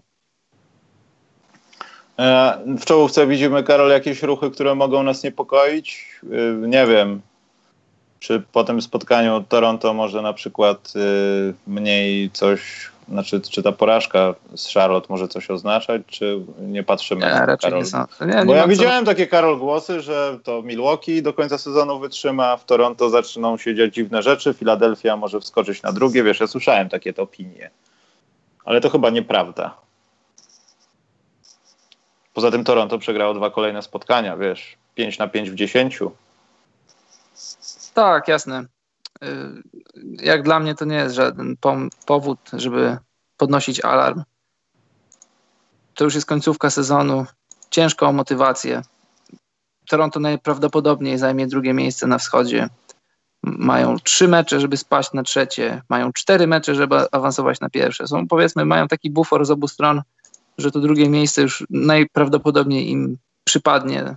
Wiesz, no, czy, czy tych zwycięstw będzie 58, 57 czy 6, to kto to będzie pamiętał? Ważne, żeby w zdrowiu wejść do playoffów i dobrze się w playoffach nastawić na, na wygrywanie, a nie na jakieś na mecze z Charlotte. Wiadomo, że im więcej wygrywasz, wiadomo, że jak bronisz własnego parkietu, to lepiej, lepiej to wygląda, ale kto będzie takie rzeczy pamiętał za parę tygodni, jak już playoffy się zaczną? Okej, e, tutaj padło pytanie, Chris, Chris, typujecie już finały wschodu i zachodu? Ja myślę, że znacznie jest na to za wcześnie, ale jeśli chodzi No. o wschód, to myślę, że Milwaukee, a drugą drużyną, no to jeśli nie będzie tam żadnych niespodzianek, no to z tej trójki będziemy losować, bo tak ja też nie widzę, żeby te drużyny, które coś tam może w pierwszej rundzie będą chciały znaczyć, patrz Boston czy, czy nawet Brooklyn, ja nie wierzę, żeby się wspięły do końca tej drabiny. Tutaj chyba stawka jest ustalona i ewentualnie, nie wiem, Indiana może wskoczyć na to magiczne miejsce, kiedy zagrają świetną serię z kimś i, nie wiem, wymęczą coś w siedmiu spotkaniach. Ale jakbyś miał Karol strzelać, to co? Milwaukee, Toronto? Finał wschodu? No. Tak myślę wstępnie, też tak myślę. Milwaukee, Toronto. Jedziemy, Karol, na zachód. Na zachodzie już, może nieoficjalnie, nie ma tam literki E w tabeli, ale Sacramento już, już nawet nie marzy o niczym oficjalnie, tak mi się wydaje. To chyba tam jest No, kwestia jednej porażki i już jest koniec. Tak, Sacramento jest już E. Jest już bardzo E, natomiast e, dzieją się rzeczy jak przed rokiem na miejscach 4-8. Bardzo dużo się dzieje. Kto, Karol, najbardziej to wykorzysta? Kto najbardziej tego nie wykorzysta, żeby poprawić swoją sytuację w tych ostatnich dniach? No bo zostało 16 dni. No, mnie ostatnio, w ostatnich tygodniach y, zawodzi Oklahoma. Moim zdaniem mieli bardzo, bardzo duże szanse, żeby być nawet trójką, a tymczasem są szóstką, a nawet siódemką, a nawet mogą być ósemką, bo są zaledwie pół meczu powyżej ósmych San Antonio. Wiesz, wiemy wszyscy, że w tej drużynie jest duży potencjał i oni mogą, o, to właśnie oni mogą zrobić duży upset, jeśli, jeśli tak zaczną playoffy, powiedzmy Houston, Oklahoma. Dla mnie Oklahoma to nie będzie, to nie będzie pojedynek klasycznej szóstki z klasyczną trójką. I tutaj mu, może być upset, gdyby doszło do takiej serii. Tylko, że wiadomo, że lepiej grać playoffy u siebie. Jeśli dochodzi do meczu siódmego, to wiesz, to jest banał, ale lepiej grać u siebie. Jeżeli miałbyś się spotkać z tym Houston, to dlaczego nie być tą trójką, którą mogłeś być? No i moim zdaniem Oklahoma mogła być tą trójką. Miała ku temu duże szanse. Przegrali sporo ostatnio meczów takich, których nie powinni przegrywać. Nie powinni byli przegrywać. E, Ciężko powiedzieć, czy, czemu przypisać taką trochę zniżkę formy, czy też może jakieś tam rozkojarzenie. No wiadomo, zbliżają się playoffy i tak jak powiedziałem w przypadku Toronto, ciężko takim drużynom się motywować, bo wiadomo, że ich celem są playoffy. No ale ta, przes, ta przespana szansa może się trochę czkawką odbijać w playoffach. E, Ja uważam, że tak jak powiedziałeś przy wschodzie, wydaje mi się, że Oklahoma jest jedną może z dwóch drużyn, która będzie grała w playoffach y, na zachodzie i drugą taką ekipą to jest San Antonio, że tak naprawdę nie liczy się to, w której rundzie z kim gramy. Bo może mniej San Antonio, ale Oklahoma też ma kłopot z byciem samemu sobie przeciwnikiem, no i tutaj naj, najważniejszą postacią w tym, tym powiedzmy kłopocie jest Russell Westbrook. Ale jednocześnie to jest drużyna playoffowa, która może trochę nie przekłada za specjalnie. Ja też nie twierdzę, że celowo przegrywają mecze i nie chcą być lepsi, bo to jest nieprawda. Natomiast chyba lepiej pod wpływem presji e, ogarnęliby się e, w playoffach niż e, w sezonie regularnym. Zwłaszcza w tej końcówce, gdzie na dziewięć ostatnich spotkań, pięć spotkań grają z drużynami, które no, mają większy cel. Milwaukee, no Milwaukee może nie ma tego celu, może będzie wypoczywanie, ale Denver, Denver walczą o pierwsze miejsce na zachodzie. Houston walczą też o to, żeby nikt ich nie dogonił i za specjalnie czwórki na trójkę nikt nie wskoczył, mimo że to jest mało możliwe, a może też chcą walczyć o lepszą pozycję w trójce. Jest chora psychicznie Indiana, która gra świetnie, no i jest tam jeszcze Detroit Pistons. I wydaje mi się, że to, to też nie będzie pomagało, ale to też nie jest chyba w ich głowach, żeby za specjalnie na siłę poprawiać swój stan. Ważne, żeby tam nie spaść poniżej tego szóstego miejsca, bo, no bo wiadomo, no go, gorzej byłoby, jakby od razu trafili na, nie wiem, na Golden State na przykład, spadliby na ósme, a to też jest jakoś tam prawdopodobne, bo, no bo ta cała y, drużyna Oklahoma, Utah, San Antonio tak naprawdę mogą być w każdym momencie na szóstym i na ósmym miejscu. To nie jest powiedziane. Jeszcze do tego dochodzą Clippers. No to prawda. Ja, ja, dla mnie takie widzisz, paradoksalnie lepiej być, lepiej być siódemką czy szóstką niż czwórką czy piątką, bo to jest takie trochę śmiercące zwycięstwo. Jak jesteś czwórką albo piątką, to w drugiej rundzie któraś z tych drużyn no na pewno wejdzie, wyjdzie dalej, grasz z Warriors. No i, a jeżeli jesteś szóstką, no to grasz z trójką, czyli z Houston. Różnie się w playoffach może rzeczy, mogą się rzeczy układać, ale mimo wszystko wolałbym z Warriors nie grać już w drugiej rundzie, a dla Warriors toruje się prosta droga do finałów, no bo czy będziesz grał z Blazers, którzy może, mogą nie mieć CJ'a McColluma w 100% zdrowego, albo mogą nie mieć go na początek serii, czy z Clippersami, gdzie nie ma gwiazd, gdzie jest, jest wiesz, no jest, jest walka, jest kolektyw, no ale ostatecznie to w playoffach przeważa szala tam, gdzie masz więcej talentu to wygląda na to, że droga do finałów dla, dla Golden State na ten moment wyglądałaby dość prosto. Przechodzisz, chociaż gdyby, wiesz, to jest, to jest Greg Popowicz, to jest San Antonio, chociaż to też jeszcze nie jest powiedziane, że San Antonio zostanie na tym ósmym miejscu. No ale ta czwórka, piątka dla kogoś, kto, kto, będzie, kto będzie z nimi grał, to, to wygląda bardzo, bardzo smakowicie. No bo Blazers, którzy mają kłopoty ze zdrowiem i Clippers, którzy którzy są kolektywem, ale nie mają wielkich gwiazd. Jak dla mnie ta, ta czwórka, piątka to jest taka, to będzie trochę najsłabsza para z tych, z tych wszystkich playoffów. Znaczy nagroda za, za to, że kto będzie z nimi grał, ze zwycięzcą tej pary, to będzie, to będzie prosta droga do finałów. Nie pamiętam, znaczy trochę jak przez mgłę, ale wtedy, kiedy tam na świecie koszykówki robiłem Dziki Zachód, nie pamiętam jak to wyglądało, ale chyba San Antonio już wtedy też spadło gdzieś tam w okolice ósmej pozycji i dopiero odbili się od dna tam zaraz, zaraz przed końcem sezonu. E, gdybyś, Karol, miał wybrać powiedzmy tą kolejność 5-8, tak żeby nikogo nie skrzywdzić i każdy chciał trafić w swoje miejsce, to gdzie byś umieścił San Antonio? Bo tak się zastanawiam, czy, czy San Antonio właśnie nie powinien. Znaczy, wiesz, to jest cały czas akademicka dyskusja. Tam nikt nie robi niczego celowo, żeby ustawić się i ukokosić w tych miejscach playoffowych.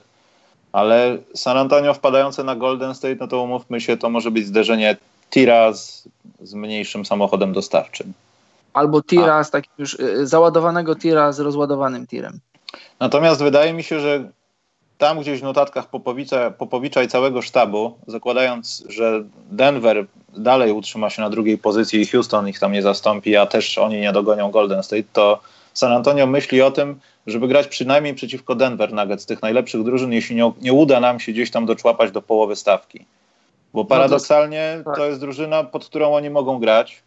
E, w sensie, no, Denver jest ofensywną drużyną też, no wiadomo, świetnie grają w defensywie ale San Antonio potrafi trochę też tak jak Indiana na wschodzie, tak zatrzymywać tą grę, stopować, nie dawać się rozwijać y, w tempie, e, powodować, że ten mecz może momentami jest brudny i obie strony nie grają ofensywnie, ale mimo wszystko rzeczy dzieją się pod pomalowanym, no i Jokic z Oldridge'em będą tutaj no, pokazywali, kto będzie lepszy w tej serii. I to jest olbrzymia szansa dla San Antonio, żeby wykorzystać te atuty, że nie jesteśmy może za szybcy, nie mamy świetnego tempa. Nasze trójki to nie jest elita w NBA, ale potrafimy używać tego wszystkiego po trochu, kiedy tylko zatrzymamy przeciwnika.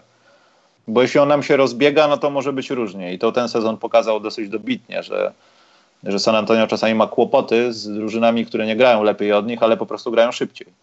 Tak, tak, ja się w 100% zgadzam, dlatego powiedziałem, miejsca 6-7 są bardzo atrakcyjne do, do zajęcia, no bo 4-5 to już powiedziałem, wychodzisz, ktoś wyjdzie z tej pary, grasz z Warriors, grasz z ósemką, grasz już na dzień dobry z Warriors, a z miejsc 6-7 możesz przypuścić atak, zrobisz zrobić jakiś taki konkretny upset. San Antonio ma, ma argumenty ku temu, żeby się maczapować z Nuggets. Mają też argumenty ku temu, żeby trochę powalczyć z Warriors, no ale no nie przejdą Warriors, a, a w przypadku matchupu z Nuggets ja bym się nie zszokował, gdyby San Antonio wygrało. Mogą, oni mogą grać szybko i oni mogą, oni mogą zrobić, że w tej serii będzie, będzie padać po 125 punktów na mecz. Będą takie wyniki, nie zdziwiłby się, ale oni mogą zrobić, że to będzie taka błotna koszykówka, że ona nie będzie brzydka, tylko ona będzie spod znaku defensywy, że będzie jakieś tam 98-105, coś takiego. I, i Spurs mogą grać na, na kilka sposobów, a Nuggets, Nuggets też mogą grać na wiele sposobów i też są niezwykle utalentowani, ale brakuje im doświadczenia. To jest coś, co, to jest coś, co mają Nuggets. To jest coś, co mają Spurs. Spoko, patrzę na wszystkie pytanka, zaraz niedługo na nie odpowiemy. Natomiast Karol, jeszcze chciałbym zostać w tym naszym wyścigu playoffowym.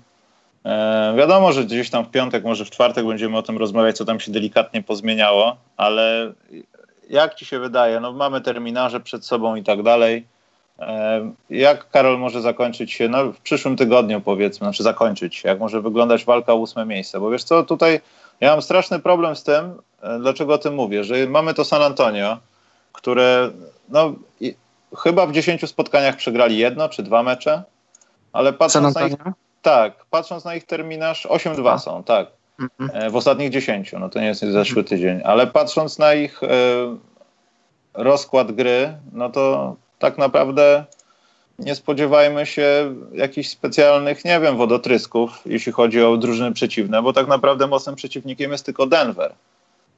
I na 8 spotkań masz, chyba to nie jest back to back, ale dwa spotkania z Cleveland, z Atlantą, z Dallas. To są wszystkie drużyny, które będą podczas loterii. E, i to samo ma Utah Jazz. Utah Jazz od, już od dawien dawna no, ma bardzo łatwy terminarz i tak naprawdę też grają z Denver i grają ze świetnie grającymi teraz Clippers. Kto będzie miał, Karol, ósme miejsce, jeśli będzie musiało do tego dojść? Kto zajmie ósme miejsce? Mhm. Bo mają naprawdę tak prosty terminarz, że niewiele drużyn w NBA na tym etapie oprócz Toronto ma tak łatwe rozgrywki, tak łatwych przeciwników potencjalnie. Tak ja już nie mówię o tych głupich przelicznikach. Bo tak się zastanawiam. Przewaga jest trochę za duża, bo to są cztery mecze, ale bez CJ McColluma Blazers, gdyby ten, gdyby ten sezon miał dłużej potrwać, to oni mogliby trochę spadać w tabeli. E, zaraz rzucę okiem, jak wygląda ich kalendarz. Jeżeli nie jest za trudny, to oni na ósemkę nie spadną. Tutaj może się rozegrać to, wiesz, no, gdybyśmy mieli zrobić taki turniej, taki Final Four z San Antonio, z Utah, z Oklahoma i Clippers, to Clippers miałbym na ostatnim miejscu, z całym szacunkiem dla Clippers. I tutaj bilanse są podobne. Myślę, że myślę, że Clippers mogą spaść na, na ósemkę. Mówisz? No, no bo dla... zobacz, no, to jest, każda z tych drużyn ma y, Clippers mają 30 porażek, tak samo jak, jak Oklahoma i tak samo jak Utah. San Antonio ma 31 porażek. To jest, to, to jest, tutaj się wszystko może wydarzyć. A jeśli będą grać w obrębie samych siebie, czego nie wiem, bo no, nie mogę pamiętać wszystkich drużyn kalendarzy, no ale tak z, tej, z tej czwórki Clippers wyglądają mi na najsłabszą drużynę. Z tej czwórki. E, dlaczego zagaiłem o tym Utah San Antonio? Bo pamiętamy, jak rozpoczęła się historia Utah Jazz za kadencji Donowana Michela.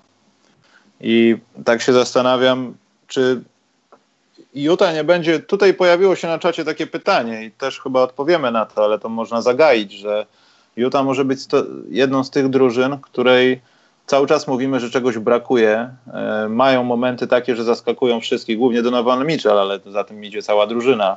Tak jak zeszłoroczny rajd, powiedzmy rajd. I potem kończy się to nigdzie. W sensie jest pierwsza runda playoffów, jest kilka dobrych spotkań. Pamiętamy dobitkę przeciwko Houston z zeszłorocznych playoffów, ale dalej nie niesie się to z niczym. I zastanawiam się, jeśli te playoffy będą tak wyglądały dla Utah, jak no, można zakładać, w sensie, nie wiem, pierwsza runda, druga to będzie sukces. E, czy w Utah nie powinno do czegoś dojść e, tego lata, żeby podwyższyli swój status i do czego mogłoby dojść, żeby Utah podwyższyło swój status, jeśli chodzi o walkę właśnie po playoffach, znaczy po, po sezonie regularnym w playoffach? No Utah potrzebuje przede wszystkim talentu ofensywnego. Donovan Mitchell wiemy, co przynosi do stołu, ale też wiedzą to drużyny, które z nimi grają i wiadomo, że tam jest kilka zagrożeń, tam jest Joe Ingles, tam, tam są zawodnicy, którzy potrafią punktować, no ale generalnie pierwszą opcją jest Mitchell, a obok nie ma, nie ma drugiego All-Stara i Utah jeśli chce powalczyć o tytuł, no bo to jest, to jest playoffowa drużyna, to jest tak konkretnie playoffowa drużyna, jeżeli chcą, chcą włączyć się do tego wyścigu o konwersację o tytuł, no to muszą sobie sprowadzić... Znaczy przepraszam, ona jest playoffowa, bo awansuje, ale w playoffach jest już nie playoffowa. No wiesz, no jest taka solidnie playoffowa, jest taka trochę, jest, jest, jest za dobra, żeby w playoffach nie grać, a jest za słaba, żeby grać o tytuł.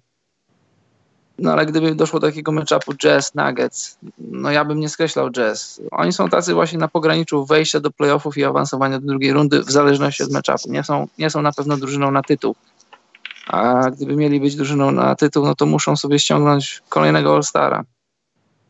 To jest tak proste, ale zarazem tak trudne, no musisz kogoś namówić. Nie, tylko wiesz, zastanawiam się nad tym, jak szybko to nastąpi, bo mamy wiele przykładów drużyn, które też co tak trochę idą do, donikąd, nawet zrobią jakieś takie małe zmiany, które wyglądają na lepsze, ale potem to się kończy właśnie takim rozmyciem. No to jest niestety tak, efekt to... tego, że jedna drużyna zdobywa mistrzostwo, druga jest w finale i nikogo więcej, jasne. To prawda. To może być, to może nastąpić bardzo szybko, dlatego że w Utah bardzo dużo kontraktów schodzi. Schodzi Rubio, Derek Favors jest na opcji drużyny. Drużyna może tego nie przedłużyć, jeżeli będą mieli na oku jakiegoś super wolnego agenta. Tabo Sefolosza schodzi, kilka kontraktów schodzi i oni mają w salary na ten moment dużo poniżej 100 milionów, 70 parę milionów. To jest, to są pieniądze do wydania na kogoś, tylko czy ten ktoś będzie chciał przyjść, to jest zawsze problem.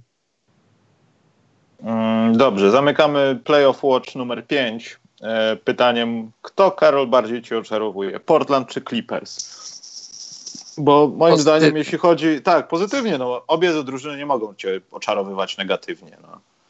no ja bym powiedział, że na, na, na, podobnym, na podobnym poziomie jest moje oczarowanie, jeśli chodzi o Blazers i Clippers. Ale ja właśnie nie wiem, co jest trudniejsze. Karol, no, no zobacz. To jest trudne do oceny. Bo tu masz McColluma, który wyszedł co? Nie ma go na trzech meczach.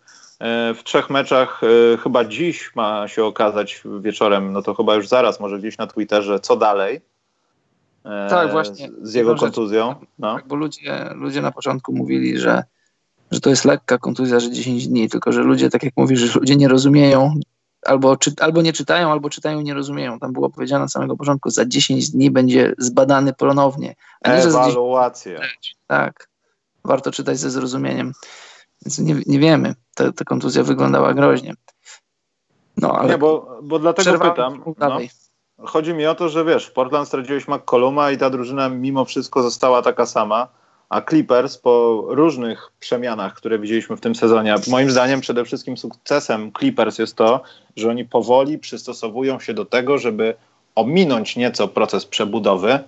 Wiadomo, te wszystkie rzeczy związane z nową halą i tak dalej, to, to, to jest inna historia, ale w tej organizacji ktoś pomyślał, że Pozbyliśmy się Jordana, pozbyliśmy się Griffina, pozbyliśmy się Pola, oczyszczamy salary cap i teraz na wakacje jesteśmy czyści i goli jak święty turecki, bo mamy tam niecałe 50 milionów dolarów wydanych w kontraktach, a nasza drużyna jest, y, no patrząc plus minus, no tam Galinari trochę zarabia, trochę chyba za dużo, natomiast reszta drużyny jest za, za, za jakieś śmieszne pieniądze, a grają świetnie co by nie mówić, grają świetnie. Też tam nie mają jakichś topowych przeciwników, ale to, co robią Clippers i to, co robi z nimi Doc Rivers, bo to jest zasługa jego rotacji i w ogóle badania możliwości tej drużyny, no to jest świetna sprawa i zastanawiam się, y, jak, trud, jak trudniej jest. Czy tracisz jednego z tak naprawdę swojej dwugłowej hydry i wiesz o tym, że ta decyzja może, znaczy decyzja, no, orzeczenie lekarzy może być takie, że już go nie będzie, i dopiero zaczną się problemy i dlatego może tam zagrałeś te trzy spotkania, wygrałeś, no bo, no bo liczyłeś na to, że to minie,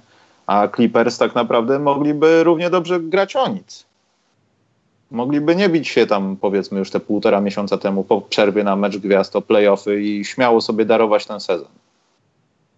A jednak się to nie dzieje i tak co trudniej jest, wiesz, zgrać, czy ten kolektyw, który gra niby o nic, ale są na piątym miejscu na zachodzie i i raczej nic ich nie zatrzyma. 9-1 w 10 ostatnich spotkaniach yy, i chyba 5 czy 4 pod rząd.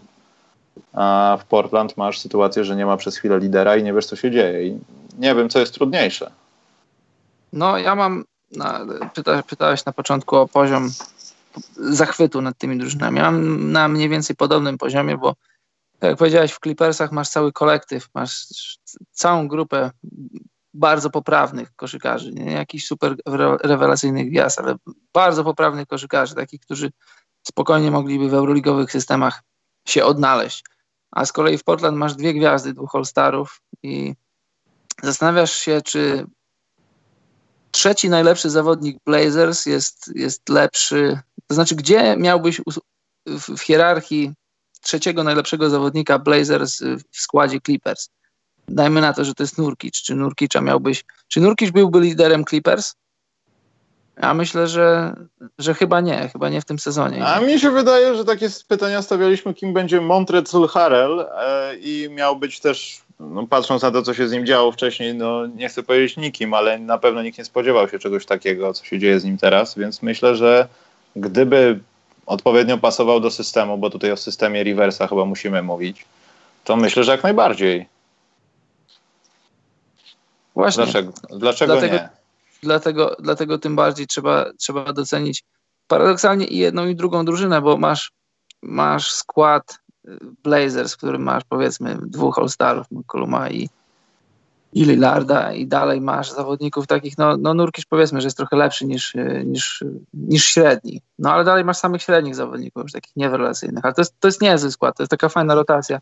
Ja lubię, jakich, y, jakich coach Stotts poukładał, ale też lubię, lubię szkołę Riversa, bo w tej drużynie też się nie przelewa talentu i kilku z tych zawodników, którzy decydują o, o sile Clippersów, to w wielu drużynach nie graliby w pierwszych piątkach. Byliby w rotacjach, ale nie byliby tym, czym są w Clippersach. No już, już Montres Harrell na pewno dużo głosów dostanie dla zawodnika, który poczynił największe postępy, dla zawodnika, który jest no, pierwszym wchodzącym z ławki. Ja, ja mam ich na podobnym poziomie, obie te drużyny. Dobrze, to myślę, że na, na dzisiaj to chyba wystarczy. Mam nadzieję, że jakoś pod koniec tygodnia będziemy mieli o czym rozmawiać, jeśli chodzi o playoffy, bo tak naprawdę niewiele będzie tych spotkań, plus no niewiele. No, mamy jeszcze turniej y, March Madness, w sensie już tam są decydujące fazy, takie już naprawdę ważne. E, dlatego mam nadzieję, że że może przynajmniej w piątek o kimś takim pogadamy, coś się stanie, a jak nie, to będziemy gadali o stagnacji, że jest tak samo. Dlatego teraz przechodzimy do pytanek od Was. Pierwsza rzecz, ja chciałem Was poinformować i poprosić dobrych ludzi na czacie. Słuchajcie, z racji tego, że tam. E, tak, ja sobie sam zakładam kącik językowy, bo doszły do mnie podczas tego nagrania głosy, że fizjoterapeuta to nie terapeuta, więc skoro się udebilniłem, to bardzo przepraszam ale jak słyszeliście po moim głosie, nie do końca jest jeszcze dobrze z moim zdrowiem. Psychicznym pewnie też.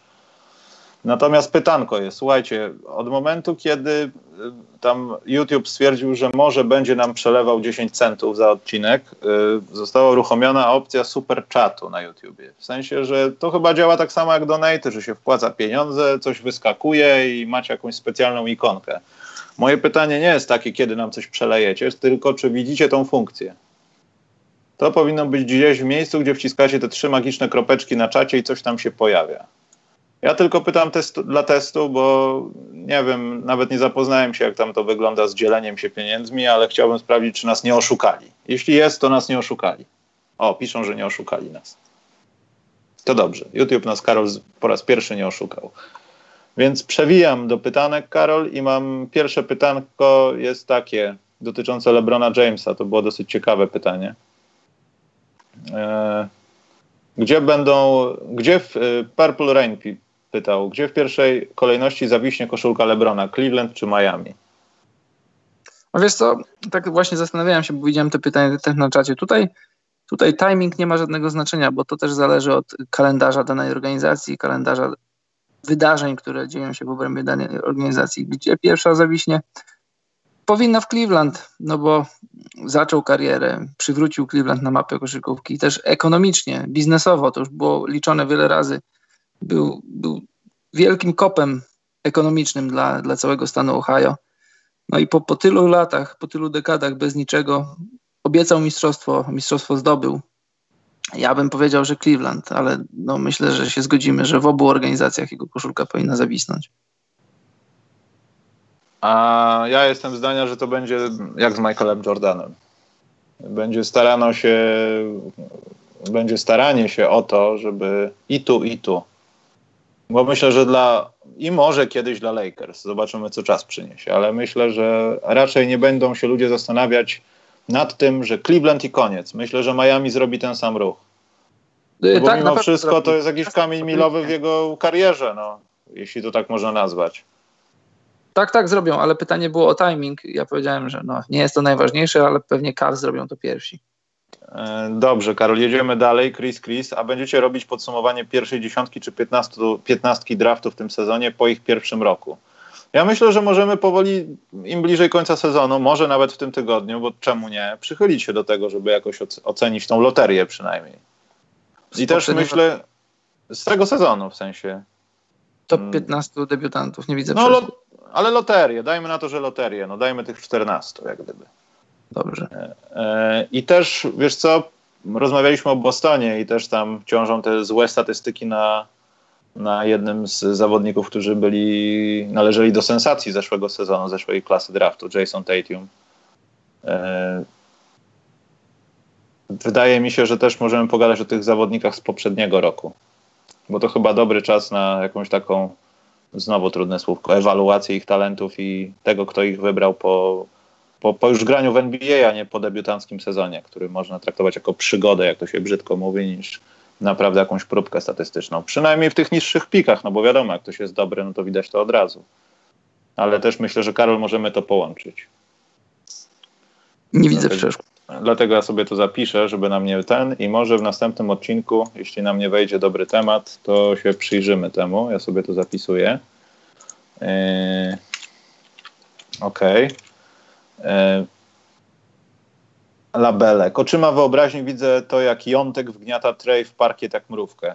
Ja oczami wyobraźni widzę to, że Taco Fall będzie z jątkiem za 6 lat walczyli w post-up i Embiid będzie w jednej z drużyn tych zawodników że wrócimy kiedyś do korzeni, że już nie będziemy rzucać za trzy punkty. Mam, taki, mam takie chore marzenie, ale wiem, że to nie wyjdzie na pewno. E, patrzę dalej. Hmm. Chyba na to odpowiedzieliśmy. Jozue rozstawione drużyny ma możliwość pokonania silniejszego przeciwnika. Tak, tak mi się wydaje, że to odpowiedzieliśmy. Mhm. Ale tutaj było gdzieś ciekawe pytanie. Która z drużyn po nieudanych playoffach może się rozpaść? I tutaj do tego pytania myślę, że powinniśmy podłożyć podpytanie. E, ja bym powiedział. Z, z drużyn lepiej, może poczekaj, może się rozpaść, nie ale. Nie, no myślę, że to jest łatwe. Natomiast... No to właśnie łatwiej powiedzieć, które się nie, nie rozpadną, bo generalnie nie, większość z nich nie. może się rozpaść, jeśli, jeśli fatalnie zakończą playoff. Ale widzisz, właśnie chciałem o tym powiedzieć, że mogą się rozpaść, bo zakończą fatalnie playoffy, ale jednocześnie sytuacja kadrowa spowoduje, że wiesz co, nie udało nam się w tegorocznych playoffach, więc ja nie przedłużę z wami umowy albo będę negocjował jak skurwysyn i nie zostawię wam ani złotówki. A która drużyna z, play, z playoffowych drużyn, która ma zawodników pod kontraktami i mniej więcej jest w takim, nie wiem, składzie, który w przyszłym roku w, większości może się pojawić w tej samej drużynie, może się rozpa- rozpaść na podstawie porażki, załóżmy, w pierwszej rundzie playoffów. Także sama porażka zdefiniowała to, że musimy odejść. Rozumiesz? Tak, rozumiem. Wydaje mi się, że to jest Filadelfia. A to na pewno, to jest no-brainer. Tym bardziej, że jest dwóch, jest, jest dwóch zawodników do, po, do podpisania i dwóch, którzy w przeciągu dwóch lat będą podpisywać swoje nowe kontrakty, więc jeżeli, więc jeżeli na takim ogromnym payrollu, payrollu nie, będziesz, nie jesteś w stanie dojść przynajmniej do finału konferencji, no to znaczy, że coś robicie nie tak, to znaczy, że można to zrobić tańszym kosztem. To znaczy, że albo Jimmy Butler, albo Tobias Harris, albo oni obaj w przyszłości w Filadelfii nie zagrają, a na pewno nie za takie pieniądze, których by oczekiwali, więc zapewne nie zagrają, bo te pieniądze mogą dostać gdzieś indziej.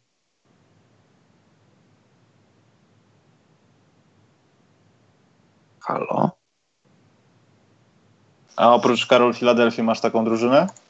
Oprócz Filadelfii mam Warriors, ale oni mogą się rozpaść już nie tyle ze względów finansowych, co po prostu takiego zmęczenia materiału. Oni mogą Wolny... wygrać i się rozpaść. Oni mogą wygrać i się rozpaść. Wolny Clay Thompson może poszukać y, sportowych y, motywacji gdzie indziej, sportowych wyzwań gdzie indziej. KD będzie mógł chcieć napisać swoją historię gdzieś indziej. I też odnosiliśmy, pamiętasz, ostatnio robiliśmy odniesienie do Chicago Bulls. Jest pokusa wygrania czwartego kolejnego tytułu, historycznie zapisać się ale też nie jest to, to, nie jest to pragnienie nadrzędne, no bo, no bo Bulls ostatecznie mogli chcieć zagrać ten jeden dodatkowy sezon, nie zagrali. Warriors też mogą nie chcieć to, tego zrobić, znaczy mogą generalnie chcieć, ale może być dużo innych rozpraszaczy, które sprawią, że to się nie stanie. Y, kto jeszcze? Boston. Tyle. Boston, no, Boston tak i nie. Boston ma wolnego Kyriego Irvinga, ma też Al Horford, on ma opcję zawodnika, to w zasadzie w zasadzie bez Irvinga i bez Horforda to, to, jest, to, to jest duża strata.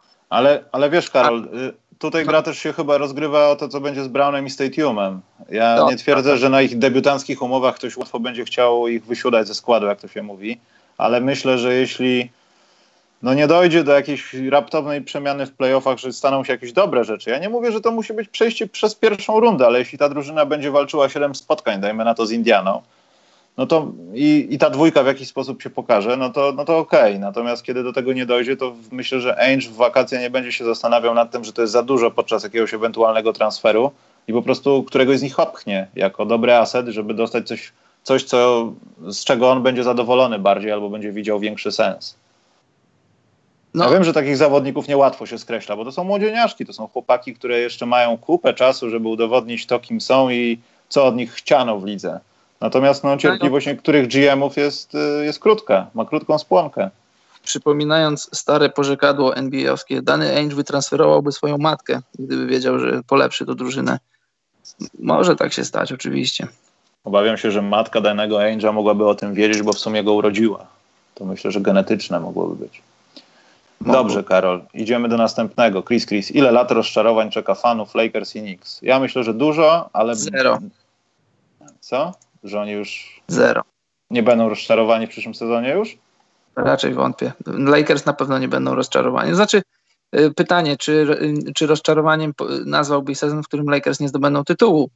Bo być może nie zdobędą tytułu w przyszłym roku, ale jestem przekonany, przekonany jestem, że Lakers wejdą do playoffów w przyszłym sezonie. W tym sezonie no też trochę śmialiśmy się z tych, którzy mieli bardzo wysoko Lakersów, ale też y, no, wydawało nam się, że będą w stanie zrobić siódme czy ósme miejsce.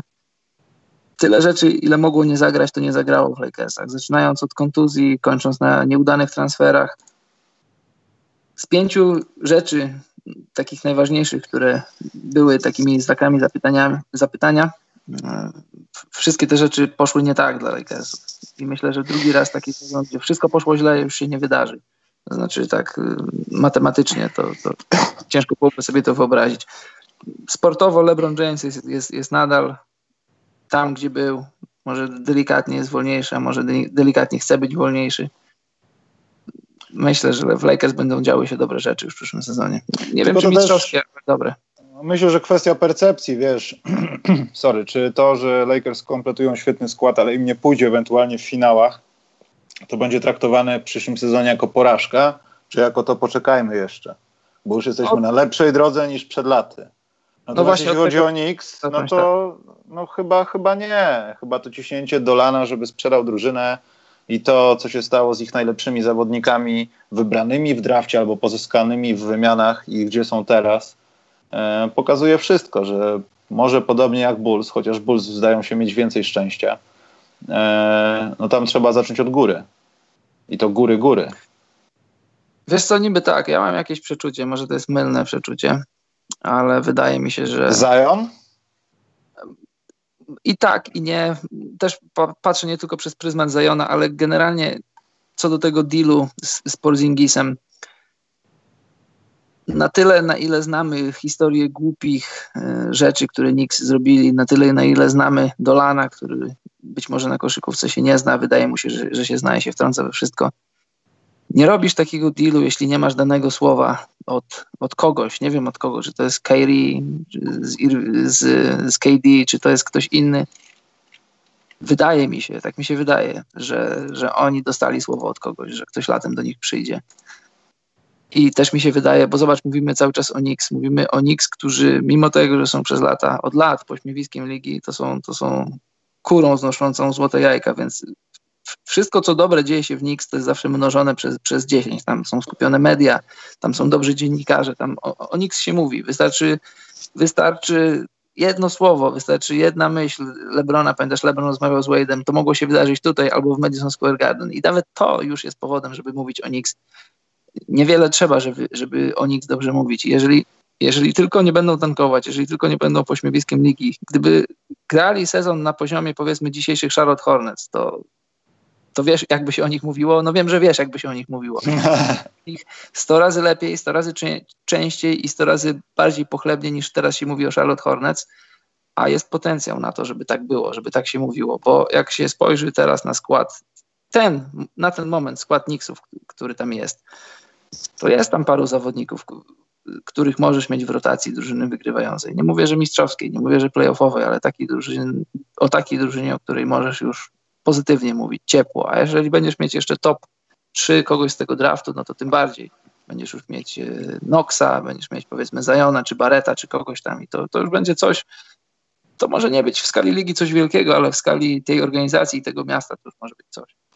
Miałeś Portingnisa i no ale zostawmy to tak. Ale podpisuje się, że Lakers chyba, chyba mają, no ale to wiadomo, no, gdyby w Nowym Jorku ktoś przyszedł teraz i dawał nadzieję na fajne podpisy latem, E, to może. Natomiast z tym, czy że oni coś wiedzą, to mi tak nie do końca się zgadza. Znaczy, na pewno, no, my na pewno nie wiemy nic w stosunku do tych ludzi tam. Natomiast no, patrząc na takiego Duranta, no nie wiem, czy czytałeś ostatnio jakieś newsy wyszły, że może jednak Brooklyn będzie go bardzo nęcił, bo tam Levert jest jego partnerem treningowym i oni już o tym ponoć rozmawiali.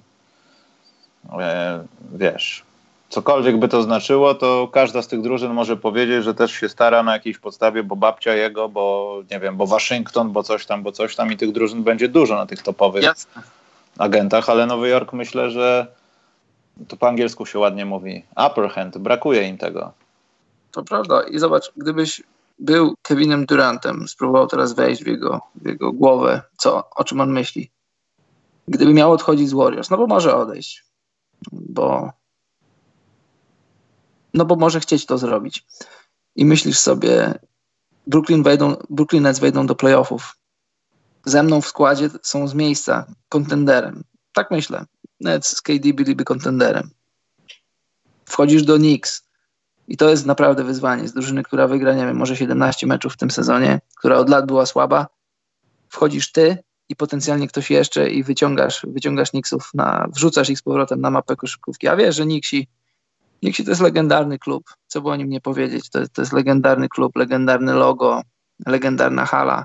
Tam tylko brakuje, tam tylko brakuje ciut sukcesu sportowego. Już nie mówię takiego konkretnego sukcesu sportowego, bo jakby Nixie byli playoffową drużyną, to, to marketingowo tam by się działy cuda. Tam wystarczy, że oni będą trochę dobrzy. I, I zawodnicy to wiedzą, wolni agenci to wiedzą, tylko że niektórzy boją się, niektórzy boją się dźwignąć, dźwignąć brzemię grania w Nowym Jorku, bo bo Nowy Jork możecie jednego dnia kochać, a, a za tydzień będą cię nienawidzieć. Jak to wszystko zależy od tego, ile siebie dasz Nowemu Jorkowi i jak, jak to się będzie przekładało na wygrane. E, Karol, jak mówisz ciut, ciut, to przypomina mi się taka sytuacja z mojego życia, że kiedyś, znaczy kiedyś dalej znam tą osobę, ale rosyjskiego pochodzenia i mówił przy spożywaniu alkoholu ciut, ciut i potem dwa dni z głowy miałem. Nie wiedziałem, co się dzieje, także źle mi się kojarzy. Nie mów przy mnie, Karol, ciut, ciut. bo on ciut, ciut i... Nie używam tego słowa za często. A źle mi się kojarzy. Nie wiem no dlaczego nie, bo... teraz. Dobrze, ale tak, tylko taka ciekawa śmiesznostka. E, słuchaj, Karol, dziękujemy Labelek, że sprawdziłeś super chat. Działa. Wprowadziłem was w błąd. Okazuje się, że ja sobie zasłoniłem oknem, ale mamy taki symbol dolara. Ogólnie rzecz biorąc, to po, chyba nie daje nic poza jakąś nobilitacją, nazwijmy to na tym czacie i znając Google'a, to oni zabierają 85% tej kwoty, dlatego tylko chciałem sprawdzić, że działa, ale dziękuję, że zrobiłeś to organoleptycznie. Bardzo dziękuję y, i myślę, że mam nadzieję, że coś dają za to, w sensie naprawdę ma się inne ikony, y, ale chyba Karol nie będziemy tego forsować, jeśli oni mają y, tak, dokładnie. Forsuj, takie... Nie? Forsujmy, jesteśmy jak Adam Silver. Możemy się Ale nie, Karol, możemy zachęcać do wpłat na Patronite albo na Donate, bo tam nie oszwabiają ludzi na prowizjach. O to chodzi. Ja to tylko tak chciałem zostawić tutaj. Ale Karol, dobra, bo już mamy 90 minut, a chciałbym się pozbyć wszystkich pytań. Yy, także raz, dwa na każde. Niektóre będą dłuższe, niektóre krótsze. Łukasz, Łukasz, przy tych zawieruchach, gdzie Golden State Warriors będzie patrzeć, kto będzie siódmy, ósmy i spaść, albo cisnąć na top jeden. Im nie, nie zależy. Nie, Warriors nie, na, na, niczym nie zależy. To Oni wszyscy są... patrzą na Warriors. Warriors. Warriors tylko patrzą na siebie. Oni są jak panna na wydaniu, gdzie wszyscy, wszystkie kobiety już dawno wyjechały ze wsi. No. Każdy chce mieć córkę sołtysa i, i, i, oni tak do tego podchodzą. Oni potrafią zniszczyć każdego, więc myślę, że tu nie będzie żadnego takiego matematycznego liczenia, a tu będzie łatwiej. Nie, no, nie. Nie. nie. E, Marshall 13200. Witam. Wydaje mi się, że w tym roku, witam. Wydaje mi się, że w tym roku jest wyjątkowo spora rywalizacja, jeśli chodzi o trenera roku. Kto według Was ma największą szansę? Ktoś z Baden-Holzer, Macmillan, Malone, Doc, czy może Atkinson? Ewentualnie Powiemy może ktoś tym, jeszcze mógłby dołączyć do tego wyścigu. Pozdrawiam. Powiemy o tym w nagrodach. To już być może za tydzień. Też mi się tak wydaje, ale ścisk będzie i ja mam kłopot. Także Marszal ja musisz poczekać do tak. następnego odcinka. Zrobimy teraz... specjalną galę. Nie będę teraz wylewał myśli, bo później ich nie pozbieram. Dokładnie. E, Chris Chris znowu. Marcin Gordat ma jeszcze szansę na umowę na playoff. Oczywiście, że ma, ale z tego, co się coraz bardziej mówi salonowo i też już chyba oficjalnie w wywiadach, Marcin czeka do off-season i czeka, aż tam się ktoś po niego schyli, no bo patrzcie na podpis, chyba bodajże San Antonio. Już o Bostonie mówiliśmy, że wzmocnili się na dziesięciodniowym kontrakcie, ale może coś jeszcze, jeśli chodzi o Monroe, ale Montejunas podpisał San Antonio bodajże. Tak, i to też pokazuje, że no, tam nie było żadnych. Wiem, inna pozycja, inny profil zawodnika, ale mimo wszystko no, Marcin jest może ze swojej, ale też wątpię w to no, winy, że chce wybierać z drużyny, która będzie walczyć o tytuł mistrzowski, ale jak na razie no, nie wskazuje chyba nic na to, że zobaczymy Marcina w tym sezonie, aczkolwiek jeśli ktoś by go podpisał, śmiało mógłby e, brać udział. Tak, nie powinniśmy, nie powinniśmy Gortata ani oceniać, ani hejtować, bo nie, nie byliśmy w jego butach, nie byliśmy w jego życiu. On zarobił w NBA około 100 milionów dolarów tak globalnie przez całą karierę i nie ma co się dziwić, że chce grać o tytuł, a że podpisze go drużyna, co do której Marcin czuje, że może pograć maksymalnie do drugiej rundy. W perspektywie całej kariery to nie ma aż tak wielkiego znaczenia, a patrząc na social media Marcina, Marcin, Godzi, Marcin dwie godziny temu zameldował się na Okęciu w Warszawie. Już mówiliśmy wiele razy, Marcin jest człowiekiem wielu zainteresowań, wielu różnych biznesów jeżeli na szali nie było drużyny walczącej konkretnie o tytuł, a były jakieś takie drużyny, co do których Marcin miał wątpliwości, no to ma szybciej wakacje, kolana się mniej zużywają. Jeśli będzie chciał grać w NBA, to zagra w przyszłym roku. I to też może być jakiś, nie wiem, no nie chcę powiedzieć lepsza decyzja, ale może no, naprawdę to jest jakaś głębsza myśl. Marcin przepracuje wakacje i, i wtedy naprawdę podpisze tą ostatnią umowę. Na jego zasadach się pożegna z kibicami, z grą w zawodowej koszykówce. Może nie, ale w NBA na pewno. I to może jest lepsze wyjście. Ale też nie chciałbym słuchać przecieków, że to z jego winy nie doszło do podpisu, bo nie to, żebym się zdenerwował, co wiedziałbym, że to lekko jest nieprawda, bo myślę, że to, to nie jest aż tak, że Marcin tak bardzo przebierał w tych umowach, myśląc o sobie Bóg wie co i nie doszło do żadnych, bo już kil, kilka drużyn topowych zostało wymienionych w tym wyścigu. Jasne, e, zobacz, no. jeżeli Greg Monroe podpisał 10-dniowy kontrakt, jeżeli tam w ostatnich dniach różni ludzie podpisywali 10-dniowe kontrakty, to dam sobie uciąć rzucającą dłoń, że Marcin Gortat takie rzeczy też miał na stole, tylko że Marcin Gortat jest na takim etapie swojej kariery, a nie innym. Przypomnę, przypomnę jeszcze raz, bo może nie zdają sobie sprawy. Marcin ma zarobione za, za, całą swoją karierę 90 parę milionów dolarów, więc no, jego perspektywa patrzenia na życie i na koszykówkę jest trochę inna niż nasza, więc no, tyle. Okej. Okay. E, poczekaj, tutaj miałem ciekawe pytanie, na które możemy łatwo odpowiedzieć. E, Bartku pytał takie pytanko, bo nie interesuje się na tyle długo NBA. Jakie korzyści niesie ze sobą odpadnięcie w drugiej rundzie playoffów niż w pierwszej rundzie? Kwestie finansowe, bo wybór w drafcie jest gorszy. Żadne. E, nie, Karol, nie, jest coś takiego w NBA, co się nazywa playoff pool. I to jest pula pieniędzy rozdawana drużynom, które. Tak, tak to, to masz rację, ale chodzi mi o, tylko, że, o draft. Po, tak, poza tym to nie ma żadnych, natomiast te pieniądze są tak małe, że e, zwykle, zwyczajowo ta cała pula pieniędzy jest dzielona przez wszystkich członków sztabu, całą drużynę i tak dalej, tam nawet na 20 osób. I ja pamiętam, pisałem o tym artykuł 2-3 lata temu i wtedy nawet pytałem Larego Kuna na Twitterze, jak to jest, czy jest jakaś, nie wiem, progresja, jeśli chodzi o to. I co sezon NBA w podaje, jaki jest playoff pool, jaka jest pula. Powiedzmy, jak na turnieju tenisowym jest pula nagród i ona jest rozdzielana przez zespoły. No i tam zespół dostaje za awans do playoffów, wiadomo, już ma jakiś base, bazę, taką podłogę powiedzmy finansową, że już awansował i dostaje, to są tysiące dolarów, to nawet nie są tak, miliony. Tak, no, symboliczne kwoty. Tak, potem awansujesz do drugiej rundy, dostajesz odpowiednią większą proporcję i na końcu mistrz chyba z tych pieniędzy, nie pamiętam, nie chcę strzelać kwotami, ale tam z 3 milionów dostaje 500 tysięcy. San Antonio miał taką sytuację, jak tam z Lenardem był niewiadomy podpis, że przez to jak to przeszli tą całą drogę w playoffach i zakończyli je, no to hipotetycznie byliby w stanie nie dzielić się tymi pieniędzmi, tylko dołożyć brakującą kwotę do kontraktu Lenarda na przykład. Tak się nie dzieje, natomiast to są na tyle małe kwoty, że no jeśli by wygrali na przykład wygrywający Warriors wszystko, dostają powiedzmy chyba 50% tej kwoty, sumując, bo tam każdy etap jest inaczej premiowany. I w każdym roku, zależnie też pewnie od salary cap, i inne kwoty tam występują. Ale jak się dowiem, to w następnym podcaście wam powiem, jak to jest w tym roku, albo jak było przed rokiem. Eee, dobrze, dobrze, dobrze, dobrze. O, tutaj labelek wkleił, także jak coś możecie sobie zerknąć. Eee, to jest 18 rok i na przykład wszystkie zespoły biorące udział w pierwszej rundzie playoffów, każda z drużyn dostaje, dostała dokładnie 298 485 dolarów. I za to, że przegrywasz finał, dostajesz, dostawałeś w zeszłym sezonie 2 miliony 346 947. I to wiem o tym, e, to też chyba Larry Kun mi powiedział, że to jest zwyczajowo dzielone przez wszystkich, nie tylko zawodników, ale masażystów, ludzi od sprzętu, wszystko. Dobrze, czekaj, tu miałem jeszcze jedną rzecz. Eee, Labelek powiedział a propos Marcina i legendarnego zainteresowania Warriors, wyszło na jaw, że Bogut zgodził się do nich dołączyć bez wiedzy swojego agenta. I też e, podobno było tak, że on klub poinformował, mimo że to nie powinno być tak w ostatnim momencie, bo tam jakoś był związany finansowo. Eee, dobrze. O, i to zamknie chyba całość, to pytanko.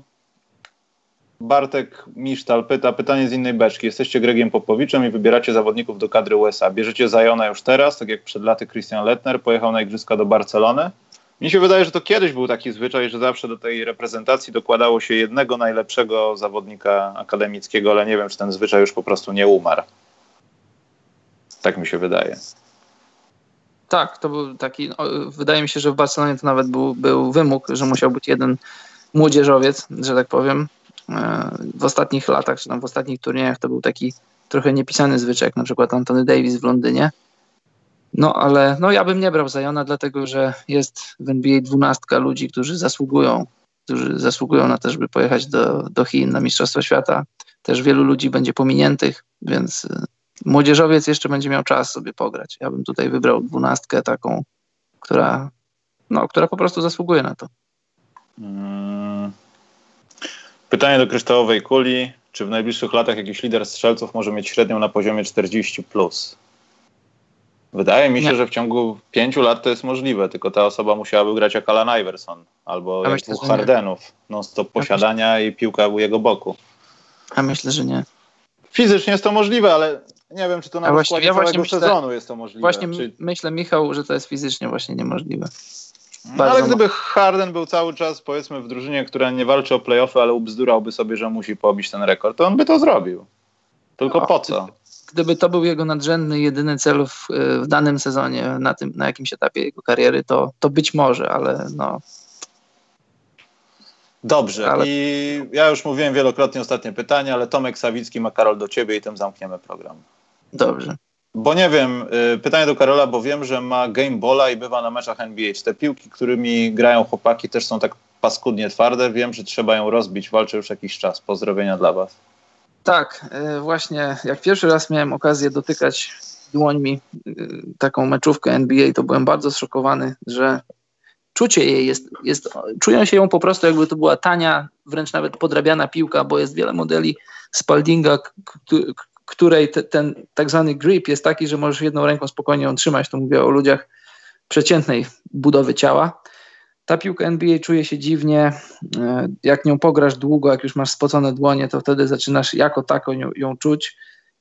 Generalnie jest trochę dziwna, trochę dziwna, jeśli chodzi o czucie. Tyle. Okej, okay, to kończymy ten dzisiejszy przydługi podcast. E, mam nadzieję, że nie zaraziłem Was moim kaszlem Yy, bo naprawdę to już, to już tak lata w tym marcu po ludziach, że to już jest zaraźliwe przez internet. Wszyscy prychają, kichają i człowiek po prostu chory potem jest, albo jeszcze chorszy, o ile jest takie słowo. Yy, już teraz jest. Już teraz jest, dlatego kończymy to, żeby już nie zarażać i nie kaszleć, bo drapie w gardle, a to nie jest przyjemne. Ale myślę, że do piątku już będzie lepiej. Dlatego w piątek pogadamy może o tych y, młodocianych zawodnikach, jakbyśmy sobie draft ułożyli i różne takie rzeczy. Dlatego wpadajcie na Facebooka, na Patronite'a, na, na Donate. Dziękuję bardzo za super chat jeszcze raz, za przebadanie tego tematu. Kto wie, może zostawimy to, chociaż tutaj nie mam chyba opcji wyłącz, włącz. Jak jest monetyzacja, to po prostu jest. Eee, I a propos piłek chciałem coś powiedzieć, że Karol, Molteny są jeszcze gorsze i Molten jak się zeszmaci i będzie przypominał Irchę, to dopiero jest fajną piłką. Dziękuję. Ircha to jest fajne słowo. To jest fajna rzecz. Fajna rzecz, fajne słowo. Fajne słowo, jeszcze fajniejsza rzecz. Kącik językowy. Musicie sprawdzić, co to jest Ircha. Jeśli ktoś nie wie, to musi sprawdzić. Wpisujcie miasta. Kto ma mi- Irchę w swoim mieście, prosimy. W swoim mieście. samochód, Nie, Ircha, ale nie, to jest wzięte po prostu nie z rośliny jakiejś albo ze skóry zwierzęcej, nie? Po prostu to jest nazwa przedmiotu, Karol. Czy to coś oznacza materiał? Wydaje mi się, że to jest przedmiot, bo ircha może być zrobiona z, z kilku rodzajów materiału. O, za dużo będzie kącików, niedługo będzie kącik materiałowy. To nie, to nie możemy do tego dopuścić. Dobrze. No, A, i generalnie, generalnie no. dobrze mieć samochod, w samochodzie irchę, szczególnie jesienią i wczesną wiosną, jak zaparuje ci szyba, to ircha jest. Yeah. I teraz, Karol, idealny moment, bo powiedziałeś o użyciu tego. Nawet jeśli masz nie od TISO oficjalnego chronometrażysty, IRCHA jest bardzo potrzebna na przykład do przecierania zapalcowanych przedmiotów, jak telefon, tak. jak, tele, jak zegarek. Zegarek możesz sobie przetrzeć. Okulary oczywiście. przede wszystkim. Mhm. Bardzo dobra rzecz. Bawiąc uczy, ucząc bawi. Karol, czas na twoją kwestię. A, i na koniec. Domagaliście się, więc jutro dojdzie do nagrania czegoś o NCAA. Niestety nie z Sebastianem. Ale I na szczęście że... nie ze mną. Mm, czy na szczęście to bym nie użył tego słowa, ale nie będzie na żywo. Będzie to statyczny podcast. Wiem, że ja mam skłonność do mówienia o podcaście, a potem do niego nie dochodzi, ale to zależy od moich gości i mam nadzieję, że tym razem się uda, bo jestem umówiony na jutro, także mam nadzieję, że jutro, najpóźniej w środę emisja. No a my co? Słyszymy się w piątek, mam nadzieję. Trzymajcie się i do następnego. Dobrze, mili Państwo. Dziękujemy za dziś. I żeby nie przedłużać, bo już trochę długo jest, już 90 minut, już cały mecz piłkarski byśmy zagrali. Dobranoc, mili ludzie.